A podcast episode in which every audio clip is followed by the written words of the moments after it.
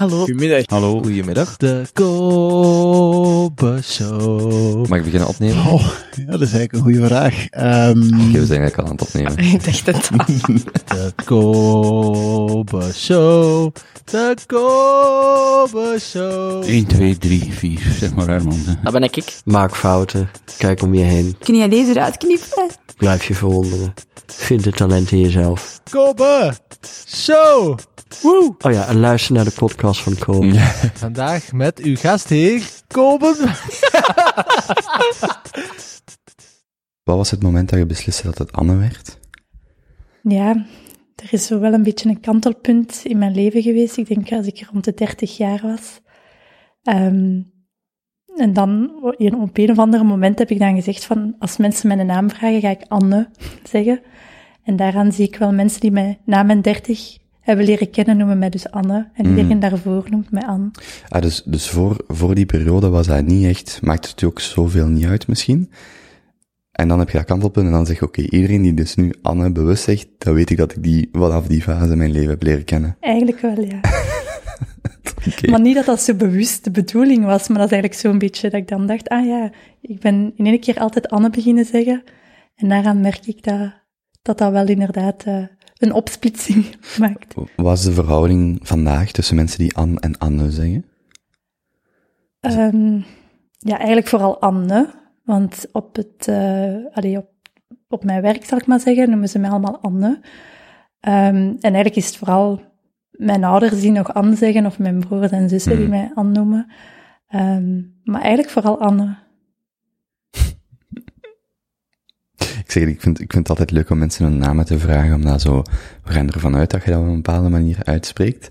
Maar je naam is, vind ik zo het mooiste compliment. Als iemand zijn of haar naam onthoudt, dat is zo het mooiste compliment dat je iemand kunt geven. Ik vind dat heel belangrijk van, oké, okay, wat is de naam exact? Dus, uh, Anne, uh, goeiedag. Hallo. Aangenaam.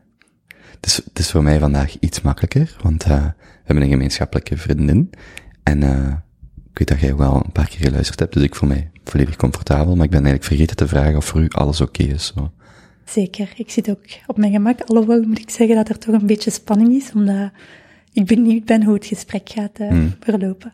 Maar voor iemand die zoveel, uh, met zoveel ervaring, levenservaring ook, van waar komt dan die, die stress? Omdat ik ben een heel open persoon, dus ik vertel heel gemakkelijk wat ik voel en wat ik denk.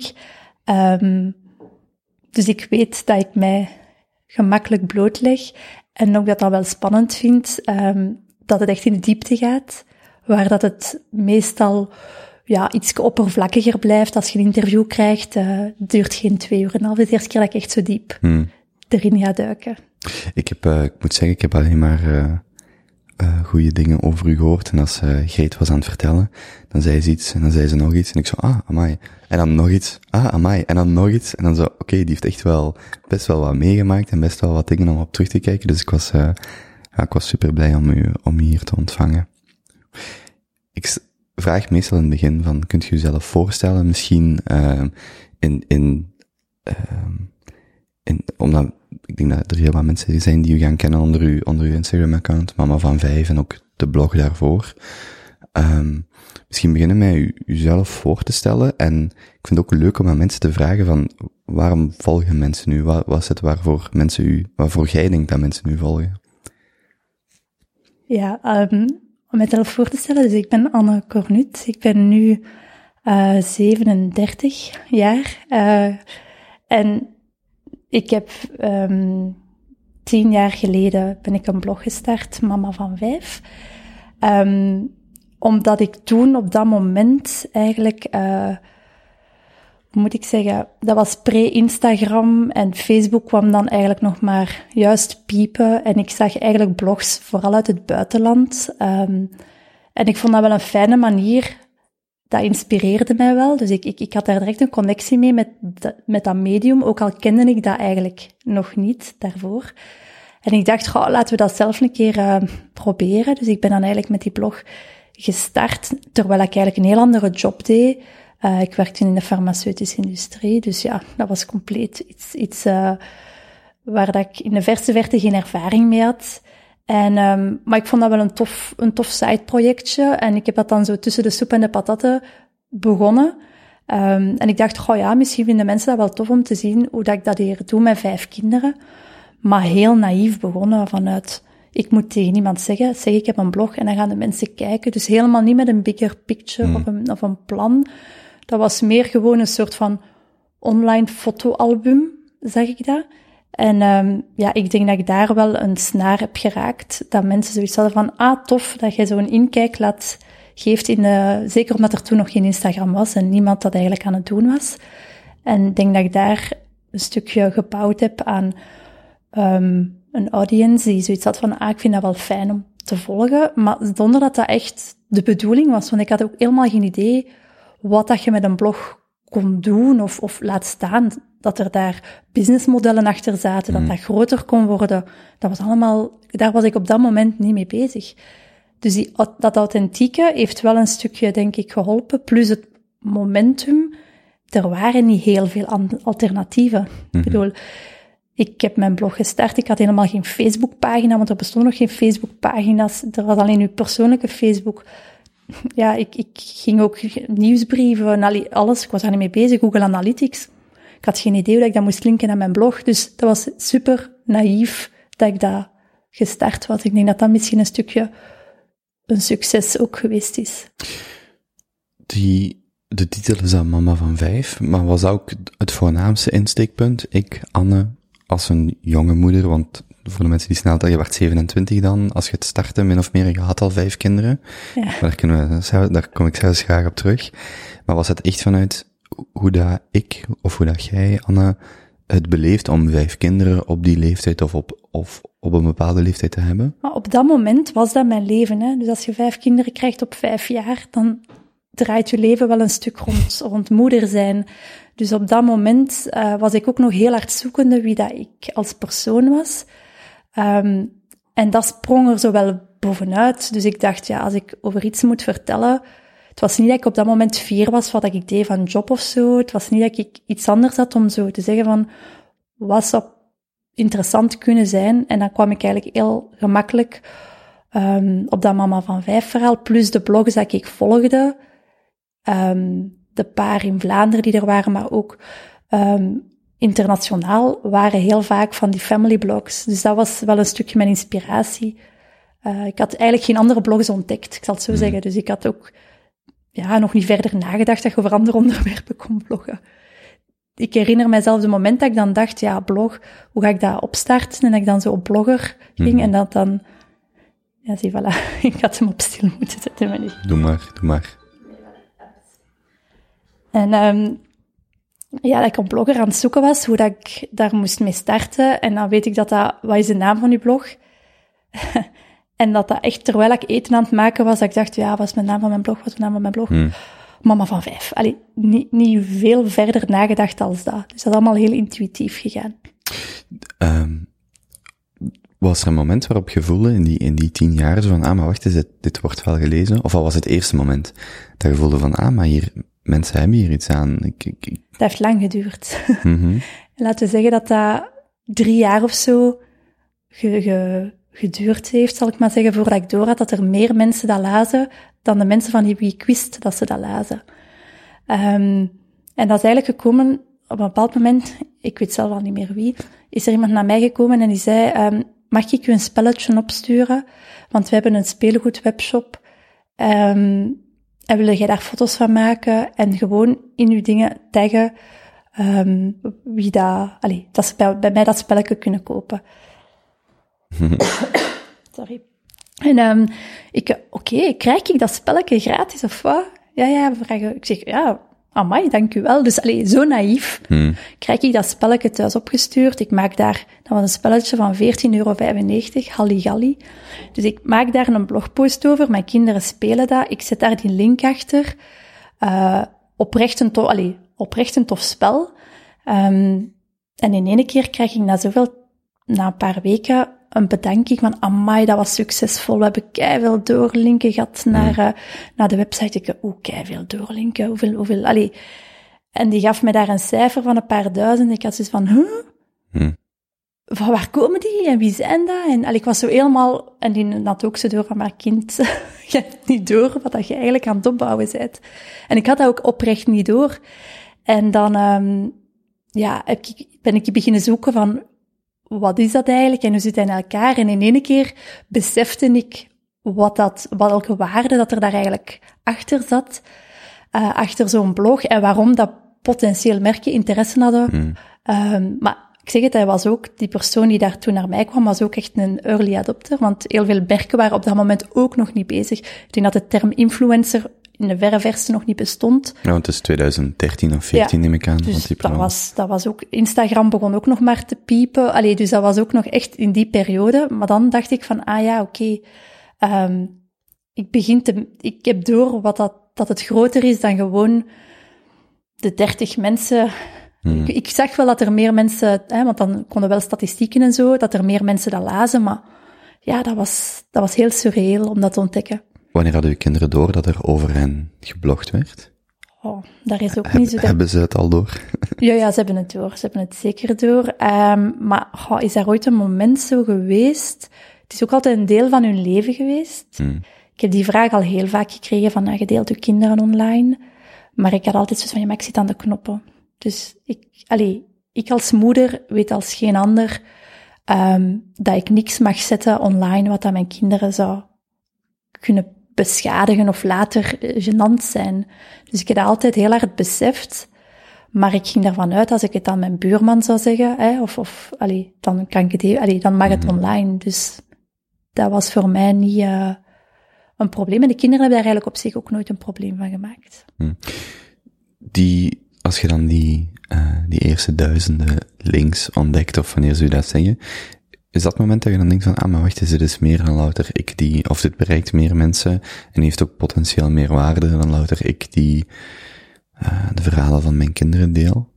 Ja, absoluut. Maar ik zeg het, ik heb ook, ik had geen marketingopleiding, geen um, communicatieopleiding, dus dat was voor mij echt een nieuwe wereld. Ik ben daar beginnen over lezen en beginnen opzoeken en, en ik heb ook geen schrik om, om een trial en error te doen zo. En ik heb ook echt errors gedaan, um, want op een bepaald moment, ja, je moet weten, ik ben uh, iemand die conflictvermijdend is. Ik wil voor iedereen goed doen. Ja, als er dan merken nu beginnen dingen vragen. Hmm. En dan denkt je, ah ja, oké, okay, ik zal dat dan doen. Maar eigenlijk klopt dat dan niet. En dan voelen ook heel hard in uw buik van, ah, oh, waarom heb ik hier ja op gezegd? Maar ik durfde dan geen nee zeggen. Zo heel dat traject heb ik ook af, afge, afgelegd. Um, plus dan kwam ook het feit dat mensen het businessmodel door begonnen krijgen. Dat kreeg je daar ook een wat, wat deining, zal ik maar zeggen, dat er mensen afhaakten of nieuwe mensen bijkwamen daardoor. Um, maar bon, ondertussen is dat, weet iedereen hoe dat de vork in de steel zat, mm. maar helemaal in het begin was dat helemaal niet zo. En dan kreeg je soms ook wel boze mails van mensen die zoiets zeiden van, ja, maar jij hebt uh, dat spelletje gekregen, dat is niet eerlijk. Allee, een beetje jaloerse reacties. En dan denk ik, oh ja, maar hm? niemand zegt dat je me... Door het feit dat daar ook helemaal geen dat dat allemaal niet moest, dan dacht ik, ja, maar dan prima dat je mij niet meer volgt. Helemaal prima. De grap ook van iemand die commentaar heeft op iemand anders die iets gratis in de wereld zet, wat, in, wat je helemaal niet moet consumeren, en dan gaan klagen van, ja, maar waarom heb je dat daar geschreven? Je, je, moet dat helemaal niet lezen als je niet wilt, hè? Ja, en door het feit dat ik zo zonder moeten ben begonnen, kon ik dat ook helemaal loslaten van, ik kan mezelf in de spiegel. Alhoewel, ik moet misschien eerlijk zeggen dat er, er zijn wel wat moeilijke momenten geweest. Als je dan zo'n paar keer negatieve commentaar krijgt, uh, komt dat wel binnen. Dus je moet daar ook zo'n beetje een, uh, een harder vel voor creëren. Je denkt van, maar wacht, ik deel hier van alles. Als je het niet leuk vindt, prima om mij niet te volgen. Maar wat, wat voor zin heeft dat om hè, negatieve zaken te gaan sturen? En dat is voor mij ook altijd een reden geweest om dingen te delen. Maar ik heb een paar keer vragen gekregen voor tv, om zo in reality-programma's te komen. En heb ik altijd hmm. nee op gezegd. Je bedoelt met het gezin dan? Ja, ja, omdat ik zoiets had van, ja, maar dan zit ik niet meer aan de knoppen. Hmm. En dan komt er binnen in iedereen zijn woonkamer, want je zet de tv aan en dat programma begint. Je kiest niet actief om persoon X of Y een programma te, te volgen. Dat programma is gewoon geprogrammeerd in de avond.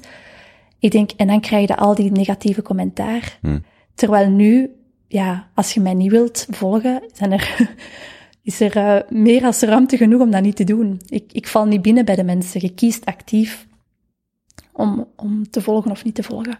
Ja, ik kreeg zo uh, de vraag om aan First Dates, het tweede seizoen, deel te nemen. En ik had met hen gebeld.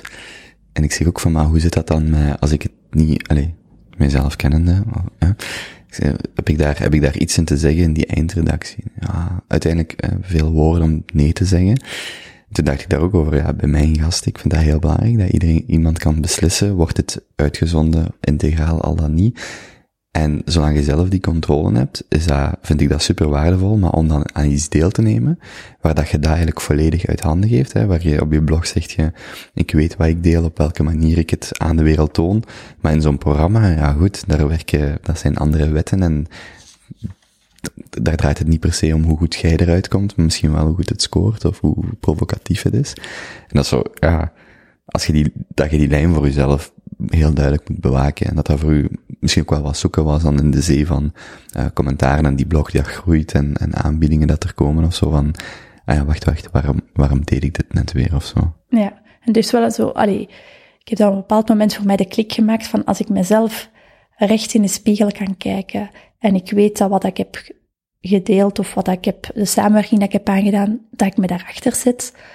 Allee, je voelt dat direct in je buik. Dan denk je van, oké, dan is het goed. En dan, waren dan was ik ook, immuun is een groot woord, maar dan kwamen die commentaar nog niet binnen, omdat ik zoiets had van, ja, maar, weet je, het is helemaal prima dat jij dat vindt. Ik, ik vind dat ik de keuze heb gemaakt die voor mij de juiste keuze was. Heb jij, bekeek je jezelf sinds of voor een bepaalde periode dan ook als, als blogger, of als iemand die dat ik weet ook niet in, in welke mate dat dat altijd overlapt heeft met uw werk als, uh, in de farmaceutische sector.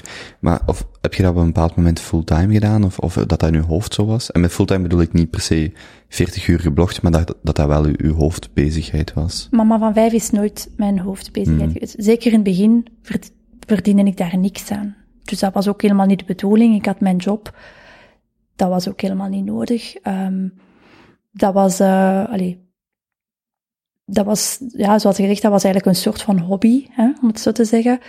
En op een bepaald moment voelde ik wel um, dat ik dacht, ah, ik wil hier meer mee doen. Want ik begon de smaak te pakken te krijgen van contentcreatie. Ik begon heel het marketing, de digitale marketing daarachter te, hè, met de komst van Instagram. En op een bepaald moment had ik zoiets van, ik steek hier nu zoveel tijd in. Ja, is dit niet iets waar ik meer mee kan doen dan gewoon een hobby? Maar ik voelde direct dat mama van vijf, ja, dat gaat over mij en mijn kinderen. Dus dat is gelimiteerd in samenwerking dat je kunt aangaan, hmm. zoals ik zei. Want ja, ik moet persoonlijk achter alles staan wat ik deel. En als je daar dan wilt van, van moet kunnen leven, ja, dan moeten we wel wat samenwerkingen doen. En dat voelde dan niet, niet juist aan. En ik dacht, en omdat mijn kinderen ja, daarin deelgenoot te moeten maken, vond ik dan ook... Allee, dat is helemaal oké, zolang dat het niet moet. Mm Mhm. Vanaf dat het moest en dat ik er in één keer een inkomen vanuit moest krijgen, ja, dan, dan voelde ik die druk, voelde dat als een foute druk op, op mij en op mijn kinderen. Um, en dan is eigenlijk een beetje het zaadje geplant dat ik dacht, ik wil, ik wil een community, ik wil, ik wil breder dan, dan mijzelf. Um, en dat speelde, ik zeg dat ook in het buitenland, dat er online magazines kwamen, dus breder dan één persoon en één blog. En dat is dan eigenlijk het zaadje dat er gepland was om, om met zo'n slash dan uit te bouwen. Mhm. Ik zag ook dat je van begin dit jaar, denk ik, uh, begin 2020, niks meer gepost hebt op de blog. Ja.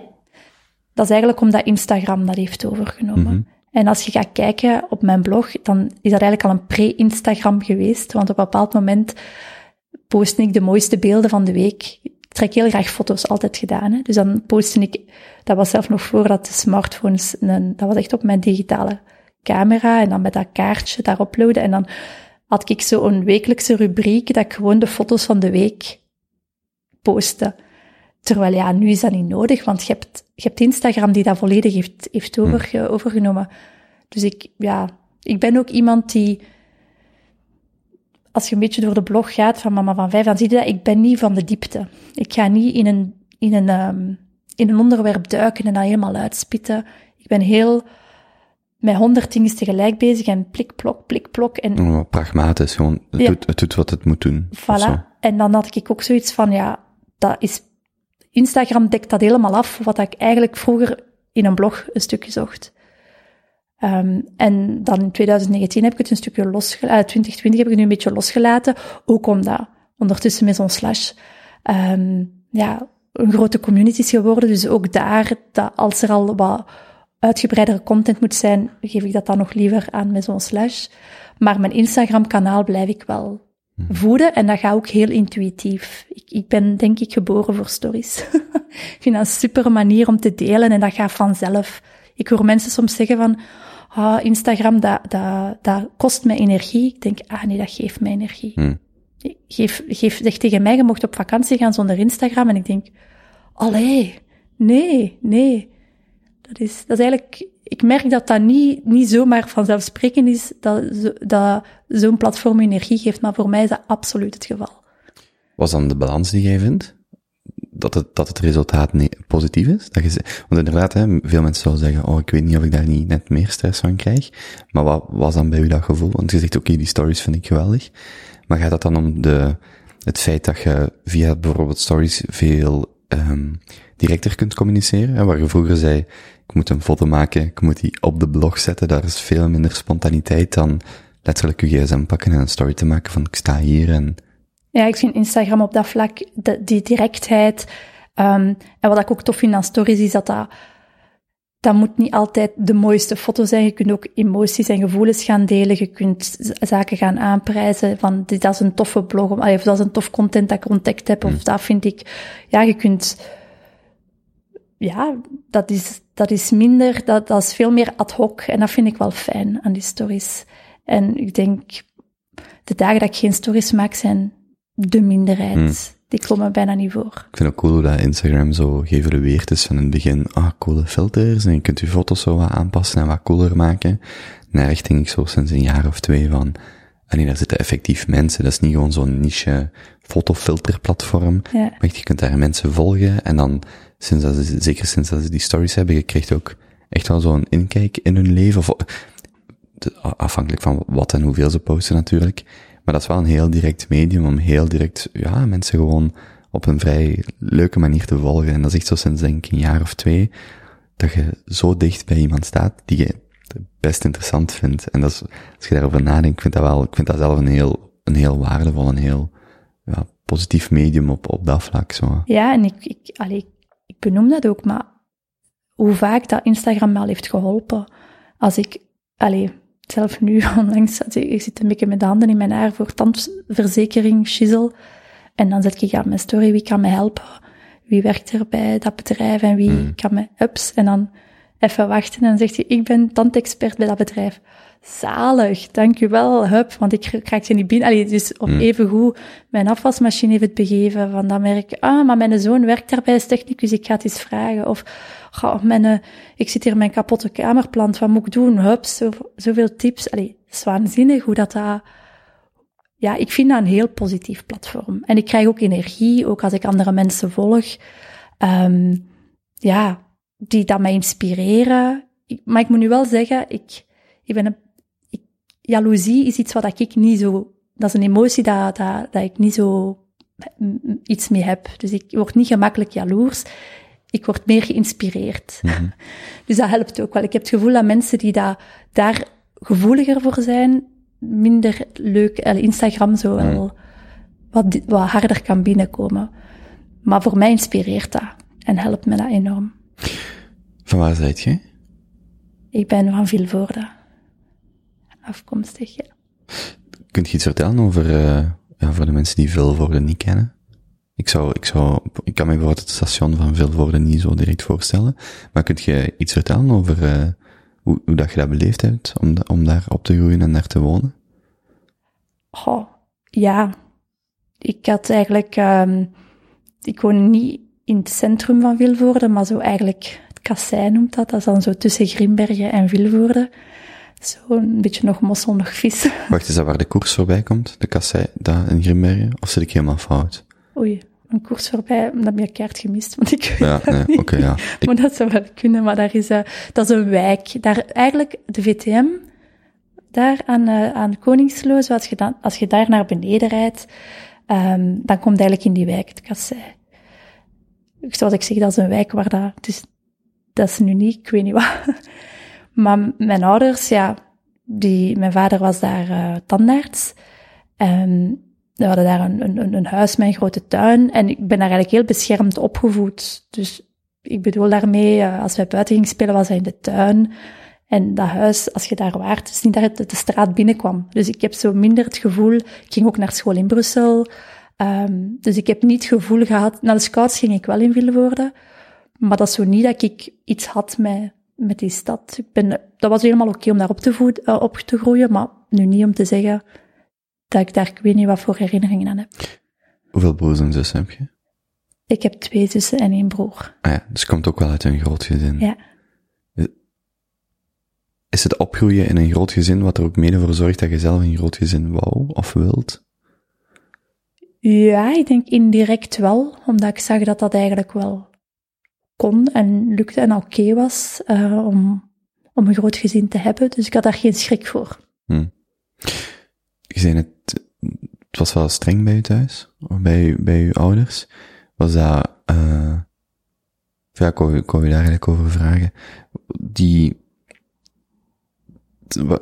wacht, ik moet even denken hoe dat ik dit, uh, Greet Zijmens is vrij streng opgevoed.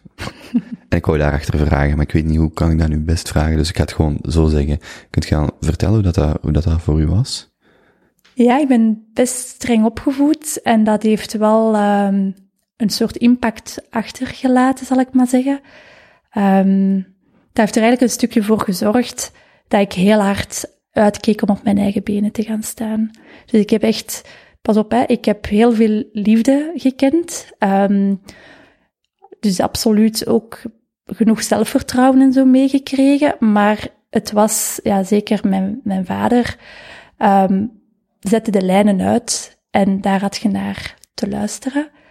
Um, ik heb daar heel hard tegen gerebelleerd. Ik heb, um, ik denk niet dat ik een moeilijke puber as such was, maar door het feit dat ik zo kort werd gehouden, was er reden genoeg om te gaan, uh, daar tegenin te gaan. Uh. Hmm. Um, dat heeft er eigenlijk voor gezorgd dat ik heel snel thuis weg was en misschien ook heel snel begonnen ben aan, het, uh, aan de volgende stap in mijn leven zijnde, ja, op mijn eigen benen staan, werken, trouwen, kinderen krijgen. Ik dacht, ik ga hier even dat allemaal zelf doen. Wat waren dan de verwachtingen van thuis uit? Die, als je zegt streng, dat ik kan me voorstellen dat voor verschillende mensen iets ja, verschillende streng, dingen... Um, dat was of kort, ge, kort gehouden, zeg je net. Ja, het was, uh, het was niet dat ik um, elke, elk weekend in jeugdhuizen mocht gaan zitten, of dat ik mocht uh, blijven hangen, of dat ik mocht... Um, mijn vader is ook heel katholiek en was van verplicht naar de mis te gaan. Mm. Um, en daar, daar was niks tegen in te brengen. Je moest gaan en je ging gewoon, voilà.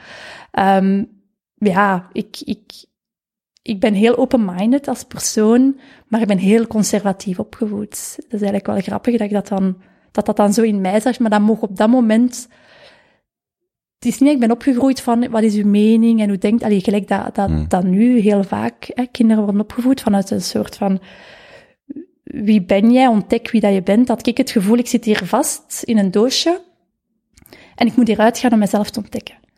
En um, eigenlijk kan ik maar zeggen dat ik mijn eigen pas ont heb leren kennen of heb ontdekken na mijn dertigste. Wacht, als je dat zegt, betekent, dan denk ik meteen, maar verbeter me als ik juist ben, dat je gewoon, dat je vanaf je dertigste pas misschien een periode had om te ontdekken wie je echt tussen aanhalingstekens zijt, of wat jij belangrijk vindt, terwijl dat misschien veel mensen dat puberteit, hogere studies, eerste werkervaring, dat ergens in die, in dat venster van tien jaar min of meer ontdekken dat dat voor u, Ja. dat dat pas op uw dertigste Ja. was. Exact. En is dat dan omdat de wortels of de achtergrond van familiaal en, en voornamelijk familiaal, dat die pas eigenlijk op je dertigste min of meer dat dat, dus zowel die familiale wortels als alles wat daar uitstroomt, dat is voor jong gaan werken en kinderen krijgen en trouwen, dat dat dan pas op je dertigste eigenlijk een, een breuk was om, om dat allemaal, Ja, ik denk dat ik gewoon ja, gecopy-paste heb van wat ik ken. Dus ik dacht, ik ga hier trouwen en kinderen krijgen. En dan zit je natuurlijk in die, in die vibe. nat- Ja, ik, uh, ik heb bewust kinderen gekregen. Mhm. En dan zorg je daarvoor. En dat was wat ik kende eigenlijk. Dus ik had dat niet zo actief door dat ik mezelf niet kende op dat moment. Ehm, het is maar pas daarna, allee, toen ik ook zeg het altijd zo wakker werd. ehm, op een bepaald moment is er een grote reorganisatie geweest op het werk, hè, in ehm, het bedrijf waar dat ik werkte, waardoor dat ik eigenlijk een nieuwe job moest kiezen. En dat was eigenlijk de eerste keer dat dan mijn leventje dat ik dan had opgebouwd, ja, een beetje op zijn kop stond. Hoe oud was je toen? En loop 29. Ah ja, oké, dat is tegen die periode, ja. Ja, en dat was voor mij de wake-up call. Dat is wat ik zei met Anne en Anne. Dat is eigenlijk een beetje van die periode. En dan heb ik eigenlijk ehm, heel snel terug een nieuwe job gevonden. En in ene keer waar dat die, dat, die job dat ik dan deed heel beschermd was. Goed betaald, eh, veel vakantie, eigenlijk weinig druk. Ehm, dat was eigenlijk, ja, een gouden kooi verhaal. Werd ik in ene keer stond ik uit die gouden kooi en moest ik het zelf doen. En daar heb ik ontdekt van, ik, ik ben echt in paniek toen, van oei, hoe moet ik dat hier, hè? hoe moet ik dat hier allemaal doen? Ehm, maar door die ervaring heb ik ah, maar kijk, ik, ik raak hierboven, ik, ik, er zijn andere mogelijkheden dan de, het gemakkelijkste pad of het pad van de minste weerstand. Hoe zwaar weegt dan die bagage van het verleden? Goh, maar ik ben iemand die, wat, wat bedoel je met hoe zwaar weegt? Wel, ik kan mij voorstellen, als je op, u, op, die, op dat moment voelt van, ah, maar wacht eens, ik, er zijn dingen die ik zelf ga moeten doen, en ah, maar ik kan ze eigenlijk ook wel zelf doen, en je ontdekt iets van jezelf. Zit je dan iemand die ook wel, die nog steeds zeer veel zegt, ja, maar dit is moeilijk, want ik heb... Ah nee, want ik ben, ik heb het geluk dat ik heel positief ingesteld ben. Ik denk ook, ik, ik verwijt niemand iets voor wat dat er allemaal gebeurd zou zijn of anders had kunnen zijn. Ik denk, ah, dat heeft, dit is gewoon het pad van mijn leven, wat helemaal oké is. Ehm, dus ik denk, ja, uit die strenge opvoeding, zal ik maar zeggen, heb ik zeker ook goede dingen gehaald. En ook al is het op sommige momenten echt wel heavy en moeilijk geweest, dat heeft mij gevormd en dat heeft ervoor gezorgd. Allee, ik, ik, het is niet dat ik zo denk van, ai nee, en daardoor heb ik dat niet gekund. En, Want inderdaad, als, als ik een open-mindere opvoeding had gehad, dan was ik misschien helemaal niet zo vroeg getrouwd, was ik misschien naar het buitenland gegaan, had ik misschien, allee, dan was mijn, mijn levensloop waarschijnlijk helemaal anders geweest. Maar spijt, nee, absoluut niet. Nee. Als je, wat zit je op je achttiende gaan studeren? Um, ja, op mijn 18, ik ben eigenlijk verpleegkunde gaan studeren. Um, ja, nee, eigenlijk op een bepaald moment wou ik eigenlijk op kot gaan um, bij, bij mijn vriend toe. Hè? Dus de, de papa van de kinderen waren toen net samen. Um, en hij zat in Leuven, maar ik moest dan van mijn ouders bij mijn grootouders, allee, overgrootmoeder op kot gaan in Gent. En dat wou ik dan niet. En dan dacht ik van, ik ga het hier op mijn alleen doen. En dan ben ik naar Leuven gegaan, een appartementje gaan huren. En ik dacht, ik werk overdag en ik doe in avondschool um, st uh, een studie. En dan had ik marketing. Dus ik voelde wel al een beetje een, een link naar dat marketingstukje. Maar na twee, drie maanden was ik zo bankroet als iets. En ik, ik dacht, nee, deze is het niet. Dus ik dacht, bon, ik ga hier even mijn fout toegeven en zeggen van, ik ga naar Gent gaan, hè, terug bij mijn ouders. En die hebben daar ook gezegd van, oké, okay, uh, kom maar terug naar huis en wij, wij betalen je studies. En dan heb ik zo een tegenreactie gehad. Ik dacht, ik ga verpleegkunde gaan studeren. Mijn vader is standaard, heel veel verpleegster in de familie. Allee, maar eigenlijk denk ik, was dat een, een foute keuze. Was een foute keuze. Niet de keuze dat ik um, opnieuw zou gemaakt hebben als ik mijn eigen beter kende. Mm. Um, en van, ja, dat heb ik dat ook afgemaakt, omdat ik zoiets had van, ik heb hier een diploma nodig. Maar daarna heel goed beseft van, ik ga direct in die farmaceutische industrie, eerder dan in het zorgende stukje van verpleegkunde gaan. Die, als je op terugkijkt, wat waren andere dingen die je had kunnen studeren, die je nu interesseren? Ah, ik zou iets met grafische doen, ik zou ja. uh, marketing doen, communicatie, sowieso iets in die, in die sector. Maar again, heb ik spijt? Nee. Mm -hmm. Het is wat dat is.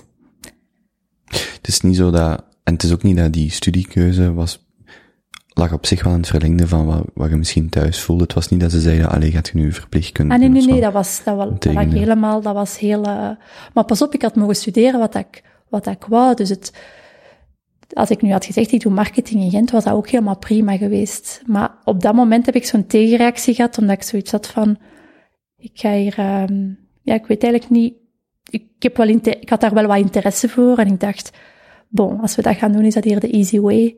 Ik ga mijn, mijn diploma halen. Ehm, en daarna zie ik wel weer verder. Die, want, wacht, hè, ik moet even, er valt zoveel te, te zeggen of te vragen. Dus je werkt die studie dan af in Gent, Mhm. en je zit eigenlijk vrij snel daarop dan moeder geworden. Ja, dus ik eh, was al eh, even samen ehm, met Filip toen, hè, van mijn 17 of zo. Dus op dat moment wist ik ook dat de, de makkelijkste manier om zonder ruzie thuis weg te gaan, dat dat zou zijn van kijk, ik, ik trouw gewoon ehm, met Filip. Allee, op vertrouwen en we starten ons leven. En dat was wel met de insteek of met in uw achterhoofd van, dat is een manier om, dat is, dat is vanuit die conservatieve benadering zo. Hè, Mhm. van, en, ehm, en dat heb ik dan ook gedaan. En, en pas op, hè, ik was heel bewust, ehm, oprecht, 300% stond ik achter die keuze. En Mhm. ik, had daar, ik had daar ook heel veel zin in. En ik dacht, dat is het hier gewoon. Ehm, maar zoals ik zeg, daar was een heel stuk van mezelf dat ik nog niet ontdekt had, dat ik nooit ruimte had gekregen om te groeien, om, om, om, om lucht en water te krijgen, dat dan weg zat. En dat is eigenlijk maar pas daarna allemaal naar boven gekomen en dan nog heel extreem na dat ontslag. Waardoor dat ik in één keer dacht van, ah, maar er zit een heel stuk in mij dat ik nooit aandacht heb gegeven. Ik zat zo direct in dat, we waren dan getrouwd, dan hè, direct eh, op vijf jaar vijf kinderen. En ik, ik was, ja, pas op, hè, ik ben eh, eigenlijk in mijn leven, om te zeggen, ongelukkig nooit ongelukkig geweest of zo. Hè. op vijf jaar vijf kinderen. Ja. Voor iemand zoals mij die dat nooit gaat voelen. Hoe zwaar is dat voor iemand? Voor een vrouw? Ja. Goh, Ik, ik heb al door dat jij een optimist bent, maar toch. Het was een pittige periode, maar moet ook eventjes situeren in de tijd.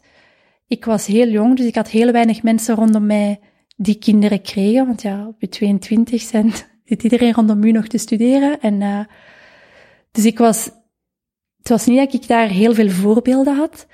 Ehm, ja, op, op, op, op manier was er geen Instagram, Facebook, zeker hè, 2005. Ik denk dat Facebook 2007 maar pas. Hè? Dus online shops, ehm allee, dat was allemaal... Ik had kind en gezin en ik had dat boek Oei, ik groei. En daarmee moest het doen. En Wacht, oei, ik groei of hoe ik groei? Oei, ik groei. Dat is oei, ik groei, een, soort naslagwerk als je kinderen krijgt, waar dat week per week de ontwikkeling in staat. En, Hmm. Maar voor de rest had ik eigenlijk niks. Ehm, ik had dan wel mijn studies verpleegkunde, dus ik wist wel een beetje hè, eh, rond ontwikkeling en dergelijke meer van, van, van babytjes. Maar voor de rest had ik helemaal geen ervaring en had ik ook helemaal geen voorbeelden, maar ook geen druk.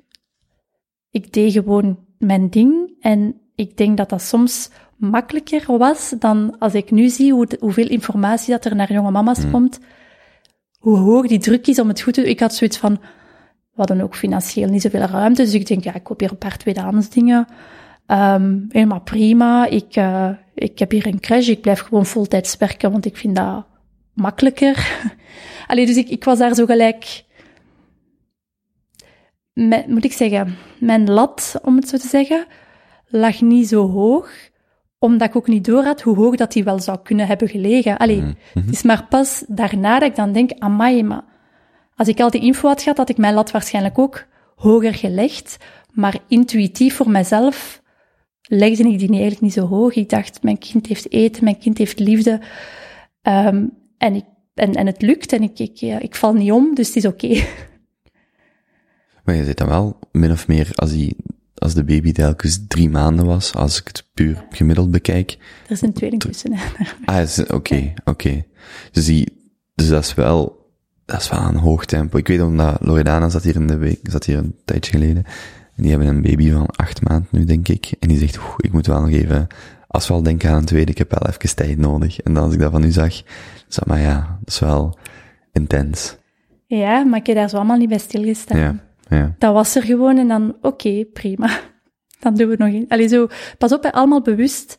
Eh, het, is, het is niet dat ik, dat ik, dat ik ehm, ik was altijd blij als ik zwanger was. Ik was altijd blij als, als er een babytje was. Ik heb ook gemakkelijke kinderen gehad. Die, die werden s'nachts wakker, maar niks extreem. Ehm, ja. Goh, dat klinkt zo raar, hè, maar ofwel is het te lang, te, lang geleden, maar op een manier gingen de dagen gewoon voor. Ik had ook altijd zo, er waren moeilijke dagen. Ik herinner mij zo'n moment dat ze allemaal achter, iedereen achter elkaar aan het overgeven waren, zo. Dat ik dacht van, waar moet ik hier beginnen opkuisen? Want dat ligt hier vol met overgeefsel van al die kinderen. Dus er waren moeilijke dagen, maar ik had zo wel iets van, bon, moeilijke dagen gaan even snel vooruit, vooruit als, als, als goede dagen. Er zijn momenten geweest dat ik huilde, dat ik niet, even niet meer zag zitten, maar ik had altijd zo het idee van, ja, kinderen groeien, hè. Dus deze gaat voorbij. Hmm. Zo'n zo be bepaalde onbevlogen, of onbeva, wat is dat woord? Zo van, het komt wel goed. Ik heb niet een- te veel bij is- nadenken, of niet te, niet te veel bij piekeren, of nega in dat Ja. negatieve zitten of zo. Maar ik heb op een bepaald moment ontdekte ik dat er inderdaad mensen met heel veel dingen aan het piekeren waren. Dat ik denk, ah, maar oei, ben ik nu een slechte moeder omdat ik daar niet over pieker? Hm. En op een bepaald moment dacht ik, ah, ik moet me daar ook zorgen. En dan dacht ik, maar wacht, nee, nee, nee, we zijn hier fout bezig. Ik maak me daar geen zorgen over, prima, ik laat het los. Ik heb zo vragen soms op mijn Instagram dat ik dan krijg van, ehm, ja, dingen in mijn interieur of zo. En dan vragen ze van, oei, en hoe doe je dat, en heb- hoe doe je dat dan? En dan denk ik, ah, eigenlijk nooit bij stilgestaan dat dat een issue zou kunnen zijn. Dus ik heb heel vaak dat ik merk van nature uit dat ik de problemen niet zie.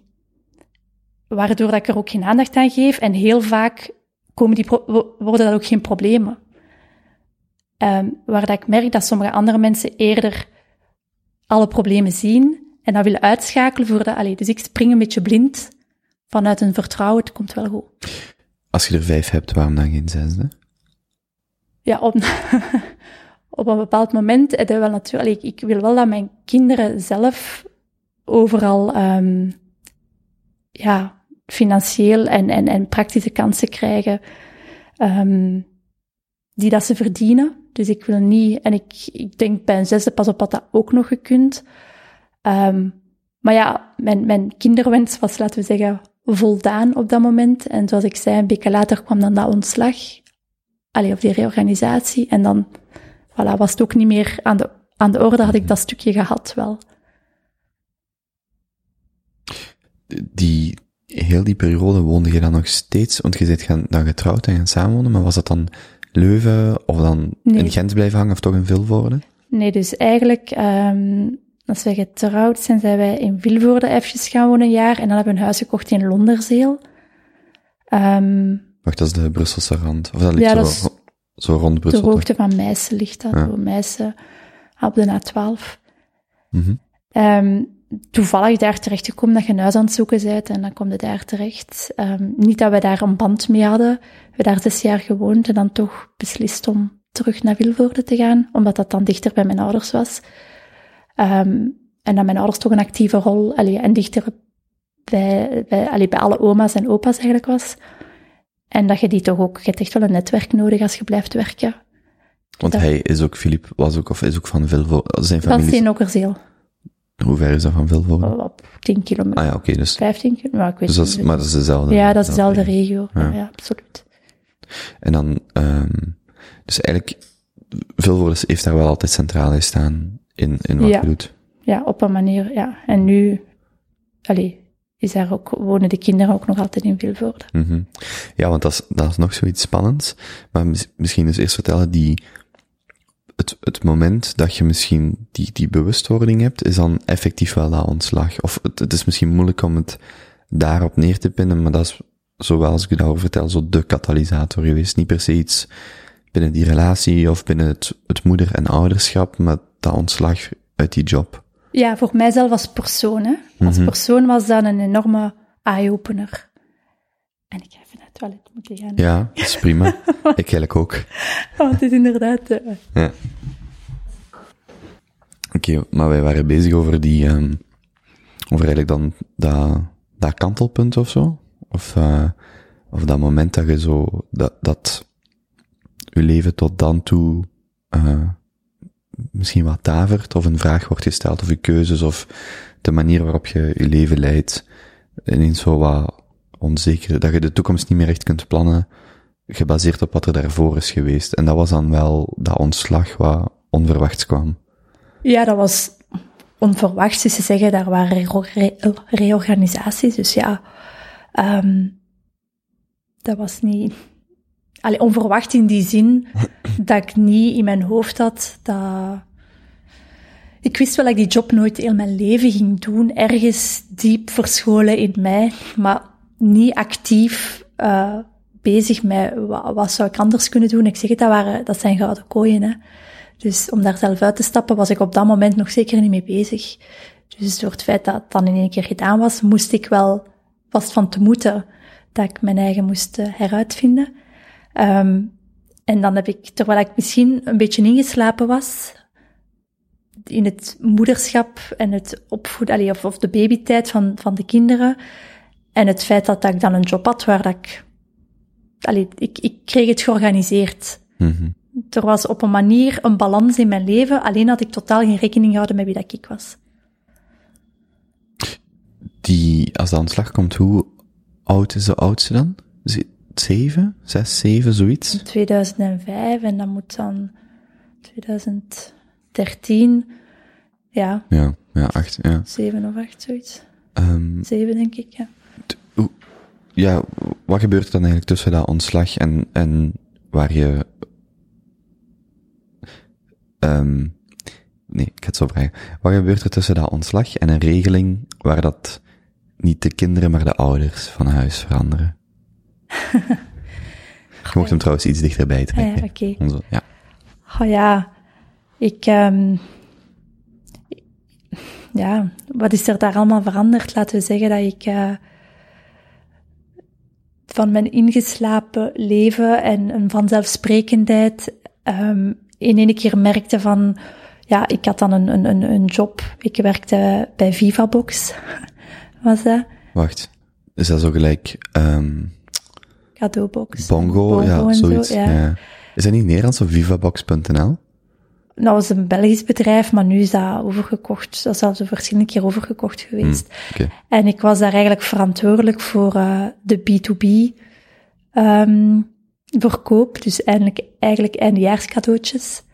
Eh, voor bedrijven die dan eigenlijk een Vivabox voor eindejaar willen geven of om hun werkgevers of werknemers te belonen. Zo totaal iets anders dan wat ik eh, gedaan had ehm, als medisch afgevaardigde.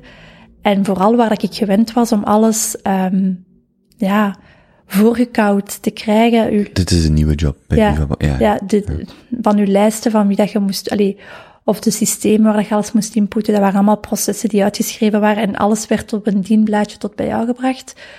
Moest ik in één keer helemaal zelf, er was helemaal geen lijst van waar dat ik naartoe, allee, dat was echt een beetje intrapreneur zijn. Mhm. En ik kende dat ook totaal niet, dus ik, ik ben daar echt zo'n beetje met mijn, eh ja, ingesmeten geweest. Ik heb dat dan ook effectief ter keert voor gegaan en ik dacht, oké, ik kan dat, ik ga dat proberen. En mij vallen en opstaan. En je merkt dat ik dat dan eigenlijk wel kon, dat verkopen en dat opbouwen en, en mijn eigen plan trekken zo, zelfsturend zijn. Ehm, ja, en dat dan professioneel. En dan merk je ook, ja, je moet dan gaan netwerken. Allee, ik moest eigenlijk veel meer buiten komen ook. De kinderen waren al iets ouder. En ik had het zo even ook gehad met, met leven in teken van de kinderen. Allee, dus ik, ik ontdekte dat leven er buiten de kinderen. Ik zal het anders zeggen. Anders was dat heel ingeslapen vanuit die job. En dan één keer kwam dat, ja, kwam die, die ruimte om, om, om te ontdekken dat er meer was in het leven dan mijn vorige job en de vijf kinderen. Ehm, en dan weet ik, was ook ondertussen met mijn mama van vijf, hè, dus mijn blog was toen ook bezig. Dus ik ontdekte die wereld dan ook. Ehm, ja, en dan... Of die wereld ontdekte u. Ja, dat kan ook. maar het is ook allemaal nooit zo... zo ik, ik kan daar nu op terugkijken en zeggen, ah, dat was dat en dat was dat. Maar op dat moment besefte ik dat eigenlijk ook allemaal niet. Ehm, ja, en dan begin je ook zo te merken gedurende de begon mij zo te dagen, heb ik juiste keuzes in mijn leven gemaakt?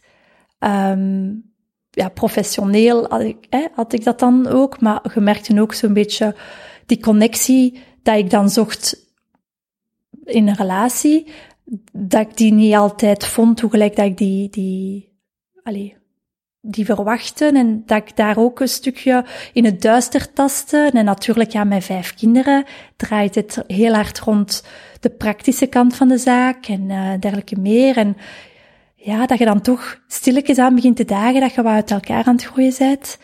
En dat je dan ook probeert om dat terug recht te trekken. En niet dat iemand dat door had rondom ons. Dus dat was echt een, een proces, dat vooral ook in mijn hoofd. En geprobeerd van alles. En dan in één keer, ja, voelt je van... Ik, ik heb niet de connectie dat ik, dat ik nodig heb. En dan begint het te dagen van, oei, krijg ik dit goed, krijg ik dit niet goed? Uh, een beetje schrik ook daarvoor. Al heel dat, heel dat proces in je hoofd. Beseffen van, als ik dat niet goed krijg, wat wil dat dan zeggen? Um, maar, again, heel hard verstoppen voor de buitenwereld. Um, ja, en dan op een bepaald moment voelen van, oké, ik, ik verliefd worden op iemand anders. Uh, voelen dat je, het feit dat je daarvoor open staat, dat je dan denkt van, ja, hoe kan dat? Hoe? Dat, dat, dat komt niet vanzelf, omdat je al een heel stukje ja, geïsoleerd hebt, zal ik maar, of, of dat je die connectie niet meer vindt. Um, en daaruit dan ja, de gevolgen trekken van we gaan uit elkaar gaan. Wat een hele, hele, hele moeilijke beslissing is geweest.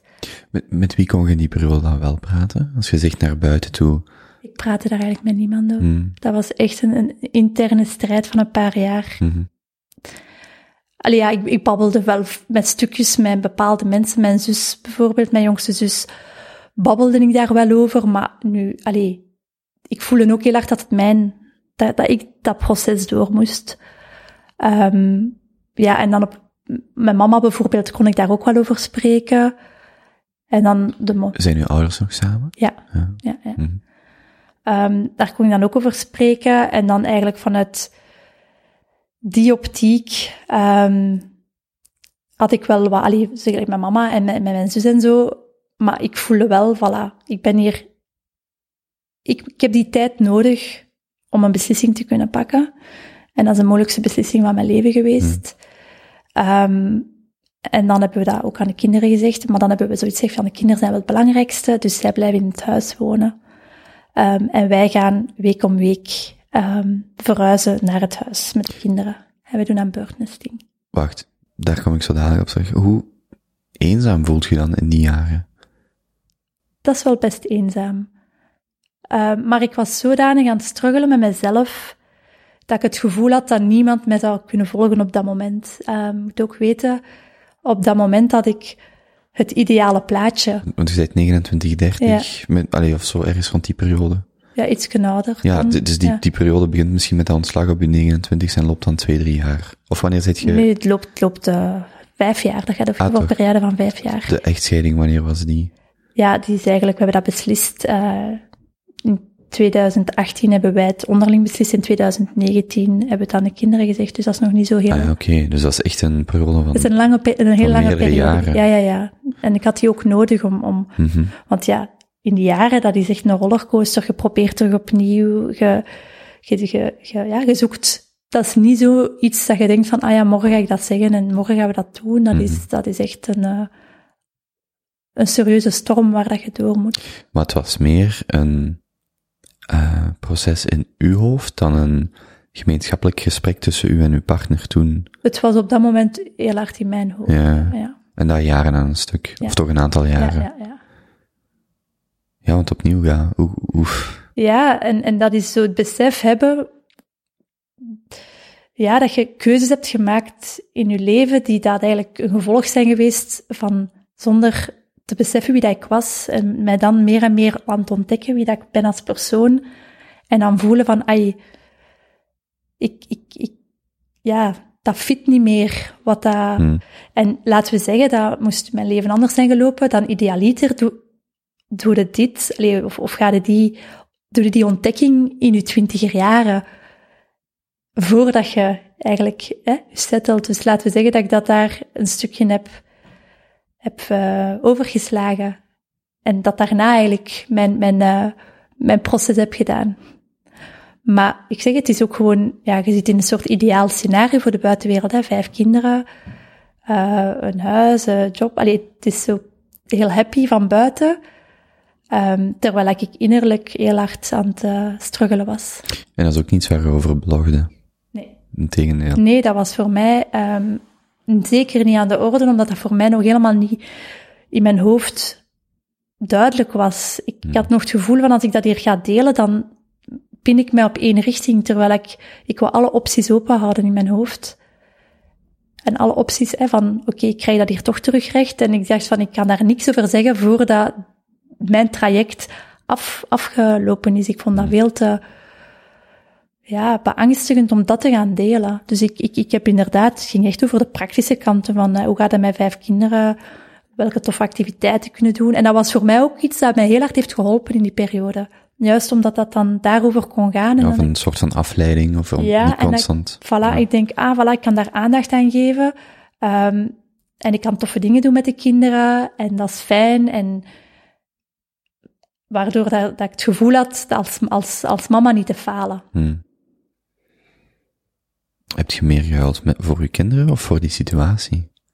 In al die jaren.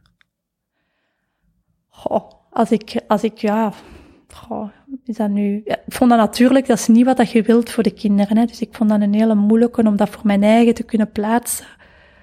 Ehm, dat ik niet gewoon, moet ik zeggen, dat ik, dat ging kiezen, actief ging kiezen voor, voor terug in lijn te zijn met wie dat ik was.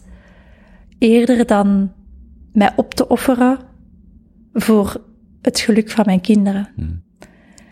En dat was voor mij een moeilijke om, om, om die, om dat voor mij te, moet ik zeggen, te aanvaarden. Want ergens zijn het toch, maatschappelijk wordt er toch gezegd van, je moet, hè, je kinderen zijn nu alles en hè, het opofferen voor de kinderen wordt toch nog een beetje gezien als, als, ehm ja, de juiste weg. Of misschien zit dat in mijn hoofd, hè, dat kan ook, hè. Spreek je dan als ouder of als moeder? Is, zit er nog een nuance tussen man en vrouw, of bedoelt je als ouder, court? Goh, als ouder te koer. Misschien nog, ja, misschien zelfs nog iets meer als moeder, ik weet dat niet. Dat, dat zou mijn aanvoelen zijn, maar Ja. ik weet het niet. Het is, het is, ehm, dat is een beetje een, een soort van moeilijke, ja, beslissing en, en, en aanvaarden dat je, alhoewel dat ik moet zeggen, als dan de beslissing er was, dat, dat ik heel veel support heb gekregen. Hm. Dus dat was wel fijn, Maar mensen... je zit er wel jaren mee voor je de beslissing maakt. Ja, maar als je me nu zegt van, zou het opnieuw doen, dat dat, ja, nee, dat was iets wat ik zelf moest doen. ik, ik denk niet dat ik geholpen was geweest om dat traject met iemand te delen. Alleen dan bedoel ik structureel echt te delen of daar heel open over te. Denk, ik vind het zelf nu nog spannend om daarover te praten. Omdat ik denk, ah, dat is, zat zo diep en dat zat zo goed verstopt. Ehm, ja, je, maakt, je, stelt je heel kwetsbaar op als je, dat, als je dat dan deelt. En pas op, ik weet dat ook heel veel mensen daar deugd aan hebben om dat te horen of dat te voelen, maar op dat moment was dat voor mij makkelijker om dat bij mij te houden. Voel je dan een soort van, ik, ik heb gefaald? Of misschien angst voor het gevoel te hebben? Speelt dat ermee? Een soort van schaamte van, ehm en niet louter mensen teleurstellen, gaande van uw kinderen tot, allee, louter, ehm gaande van uw eigen kinderen tot vrienden en familie er rond. Maar is dat een gevoel waar je ook mee worstelt? Zo van, oh, ik ben, ik heb hier tien jaar iets gedaan of, of vijftien jaar iets gedaan waar ik helemaal niet meer mee akkoord ben en ik schaam mij daar misschien een stukje over. Speelt dat ook? Nee, want zoals ik zei, ik heb geen spijt van, van, van geen beslissing in mijn leven. Maar Dus- dat, maar dat is nog iets anders, toch? Maar schaam ik mij? Nee, ja, schamen, nee, nee, dat denk ik niet. Maar je, je stelt jezelf wel een beetje teleur. Dus ja, dat dan schamen niet, maar dan meer naar mij persoonlijk dan naar... Misschien moet ik het zo vragen. Wat was dan de, misschien die, die emotie die je dan voelt? En, want ik bedoel ook niet om te zeggen van, je zou je moeten schamen of zo, voor, voor alle duidelijkheid, hè. Eh, maar ik kan me voorstellen dat voor veel mensen die door zo'n crisissituatie gaan, zijn, zijn de, uw situatie of andere, dat er, dat het erkennen van de realiteit en het beeld in mijn hoofd, die divergeren, die zijn niet, die overlappen niet meer. Dus hoe dat het effectief is en hoe dat ik dacht dat het was. Ja. En dat, om dat te kunnen erkennen, dat je ook tegen jezelf moet kunnen zeggen, ja, het, het is niet meer gelijk het was, en dat, maar dat daar dat een punt is waar heel veel mensen denk ik al beschaamd voor zijn om überhaupt al aan iemand, eerst aan uzelf, maar ook aan iemand anders wel te moeten zeggen van, ah maar wacht eens, het is niet gelijk ik dacht dat het was, dat dat heel, dat je daar zo kan, Ja, en misschien ja, ook... overmeesteren, zo, zo'n bepaalde emotie. En ik plak daar nu het woord schaamte op, maar het kan ook, ik weet niet wat de juiste emotie is om dat, om, ik weet niet of het duidelijk is wat ik probeer te zeggen, maar dat je Ja, ja, dat je daar... de blokkade dat die je voor jezelf hebt, voordat je kunt erkennen dat je vooruit gaat. Ja. Of vooruit, of ja, dat zit, daar, dat zit er wel een stukje in natuurlijk. Hè, want, en zeker nu dat ik, dat ik hè, de scheiding er is en, en dat ik weet welke impact dat dat ook allemaal heeft gehad op heel veel facetten van je leven. Ja, het beeld in je hoofd is niet de situatie waar dat ik nu in zit, waar dat je de financiële consequenties hebt, waar dat je de praktische consequenties hebt. Ja, in mijn hoofd waren er allemaal zaken waar ik geen, niet mee moest dealen, want mijn plaatje was wel Hmm. Gemaakt. Allee, ik wou wel voor het perfecte plaatje gaan, alhoewel dat ik ook realistisch genoeg ben om te beseffen van waarom willen we allemaal het perfecte plaatje? Het kan ook op een andere manier ook goed zijn. En daardoor kan ik het wel weer relativeren. En dat heeft mij ook wel geholpen om het te aanvaarden voor mezelf van, ja, maar waarom zou ik het perfe- wa- waarom zou bij mij het perfecte plaatje zijn gewerkt en, en moest ik dat ambiëren? Is dat dan niet gewoon omdat dat in ons is opgelegd? Want op zich ben ik ongelooflijk gelukkig nu. Maar ik was ook, ook allee, ik ben altijd een, een positief persoon geweest. Dus ik denk, ja, dat zijn zo van die zaken die ons worden opgelegd van, van, van, van buitenaf. Maar eigenlijk op zich naar puur geluk heeft dat weinig verschil gemaakt. Die derde persoon, waar dat je zei dat je verliefdheid voor voelde of op verliefd werd, de, de- hoe, welke rol heeft die in heel dat proces gespeeld? Of wacht, welke rol heeft die verliefdheid in heel dat proces gespeeld? Ja, dat heeft ook, dat heeft mij doen ontdekken dat ik vrouw was en niet alleen moeder. Hmm. Was Bij- het verschil? Goh ja, dat is als het stukje waar dat ik alle vanzelfsprekendheid en, en het zorgende, hè, dat daar rondhangt, ehm, versus femme fatale en vrouwelijkheid en, en, en seksualiteit en heel dat stukje. Ja, dat zijn gewoon twee verschillende identiteiten dat je hebt. En laten we zeggen dat het een was ingeslapen en alleen maar ruimte was voor het andere. En dat dat ook in die periode wakker is geworden. En dan zoiets van, ah ja, oké. Ehm, dit bestaat ook bij mij. Dit is ook een deel van wie dat ik ben. Was dat een deel dat je moest ontdekken of herontdekken? Ontdekken. Hmm. Spannend wel. Als je, ah, ik denk dan direct van, maar ja, dat is, ik denk dan direct aan gewoon de zwaarte van heel die situatie. En het feit dat je zegt, ik was eh, 30 of begin 30 en ik moest dat stukje van mezelf nog ontdekken. Dat is net wat ik ook zeg, de, de meeste tussen aanhalingstekens, als je het geluk hebt, ontdek je dat misschien tussen een 15 en een 25 of zo, afhankelijk van de levensfase waarin je dat ontdekt. Maar dat dat bij u ook wel een stuk later kwam, gegeven de situatie. Dat is wat ik bedoel met spannend, zo van, wauw, je, kan me voorstellen dat je dan echt wel heel bewust heel veel dingen zo meemaakt en heel veel dingen voelt en heel veel dingen merkt en ontdekt van jezelf, zo van, oh wauw, en dat zo,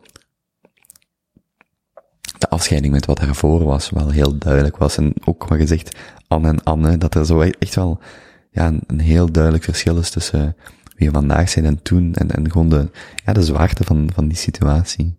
Ja, maar ik zeg het, het is ook zo een, een woelige parcours, zal ik maar zeggen. Ehm, en wat ik daar eigenlijk nog het moeilijkste van al mee heb, is dat je daar dan ook wel andere mensen in meesleurt. Dus, want dan heb je mijn verhaal, hè, wie, dat, wie dat ik ben. Maar zo, ja, dat heeft ook andere slachtoffers gemaakt in mijn, in mijn ehm, ja, moet ik zeggen, An en Anne, hè, die, die transitie. En dat, dat vind ik dan bijvoorbeeld nog het moeilijkste om, om, om mee te dealen. Dat ik denk, voor mezelf kan ik dat allemaal plaatsen. Ik ben positief, alles komt goed. Maar je hebt dan ook nog kinderen, je hebt dan ook je ex-partner, je hebt dan ook, ja, je hebt, je, hebt, je hebt andere mensen rondom u. En dat vond ik voor mezelf misschien, hè, want ik ben ook eigenlijk aan het terugdenken aan dat schaamtestukje. Ik denk, ah, dat, dat vind ik het. Ook al kan ik mijn eigen, weet ik van waar het komt en krijg ik het ook allemaal uitgelegd voor mezelf. Toch zo'n beetje het idee van, ja, ja, vind ik dat wel een moeilijke om mee te dealen. Is het dan dat er, eh ehm wacht, wat was het woord dat je gebruikt, gebruikte? Was het pijn of, of schade? Gebruikte je het woord schade? Schaamte. Ja, maar dat je net zei, de, dus ehm de kinderen en die ex-partner. Wacht, wat ik wou vragen is, gaat het, gegeven die situatie waar je moeder van zijt en vrouw zijt van, en je, eh, dus je hebt je, dat, dat moment en je gaat verder met je leven, er gaat altijd wel, wel pijn zijn en de betrokken mensen gaan daar altijd onder lijden. Maar gaat het dan, is het dat stukje ervan of is er uh, meer, is er ook onnodig lijden geweest of zo? Of zijn er dingen waarvan, als je dat vertelde, dan dacht ik, oei, misschien zijn er daar dingen gebeurd die niet hadden moeten gebeuren. Die, Ik weet niet, ik weet niet of dat ze niet hadden moeten gebeuren, want ze waren nodig voor mijn proces. Ja, dus, Dus als ik vanuit, wel, ja. vanuit mij kijk, dan denk ik, ja, zonder die zaken wa- was het niet, had het niet, allee, had ik dat proces niet kunnen, kunnen doormaken. Maar ja, er zijn andere mensen bij betrokken. En voilà, in mijn ideaal scenario was er niemand anders bij betrokken en was dat gewoon een puur ik, just me, myself and I. Maar zo werkt het natuurlijk niet. Hè. Dus, uh, en ik zeg het, ik ben conflictvermijdend. Ik wil dat iedereen zich goed voelt. Ik uh, vind dat helemaal niet zo fijn dat mensen zich niet goed voelen. En ik ben daar ook niet fier op als dat dan een stukje door mijn struggle is dat je andere mensen meetrekt. Bedoel de vraag niet zo provocerend, maar nu, na al die periode, was het het waard? En ik ben heel voorzichtig met dat zo, dat is eigenlijk niet de juiste vraag, maar ook, eigenlijk wil ik vragen hoe, hoe je daar nu op terugkijkt, zo heel die periode, hoe... Ik heb het gevoel dat dat mijn pad was dat ik moest maken. Mm. dat ik op een trein zat, dat ik daarop was gestapt en dat, die de, dat, die niet, dat dat niet de juiste trein voor mij was.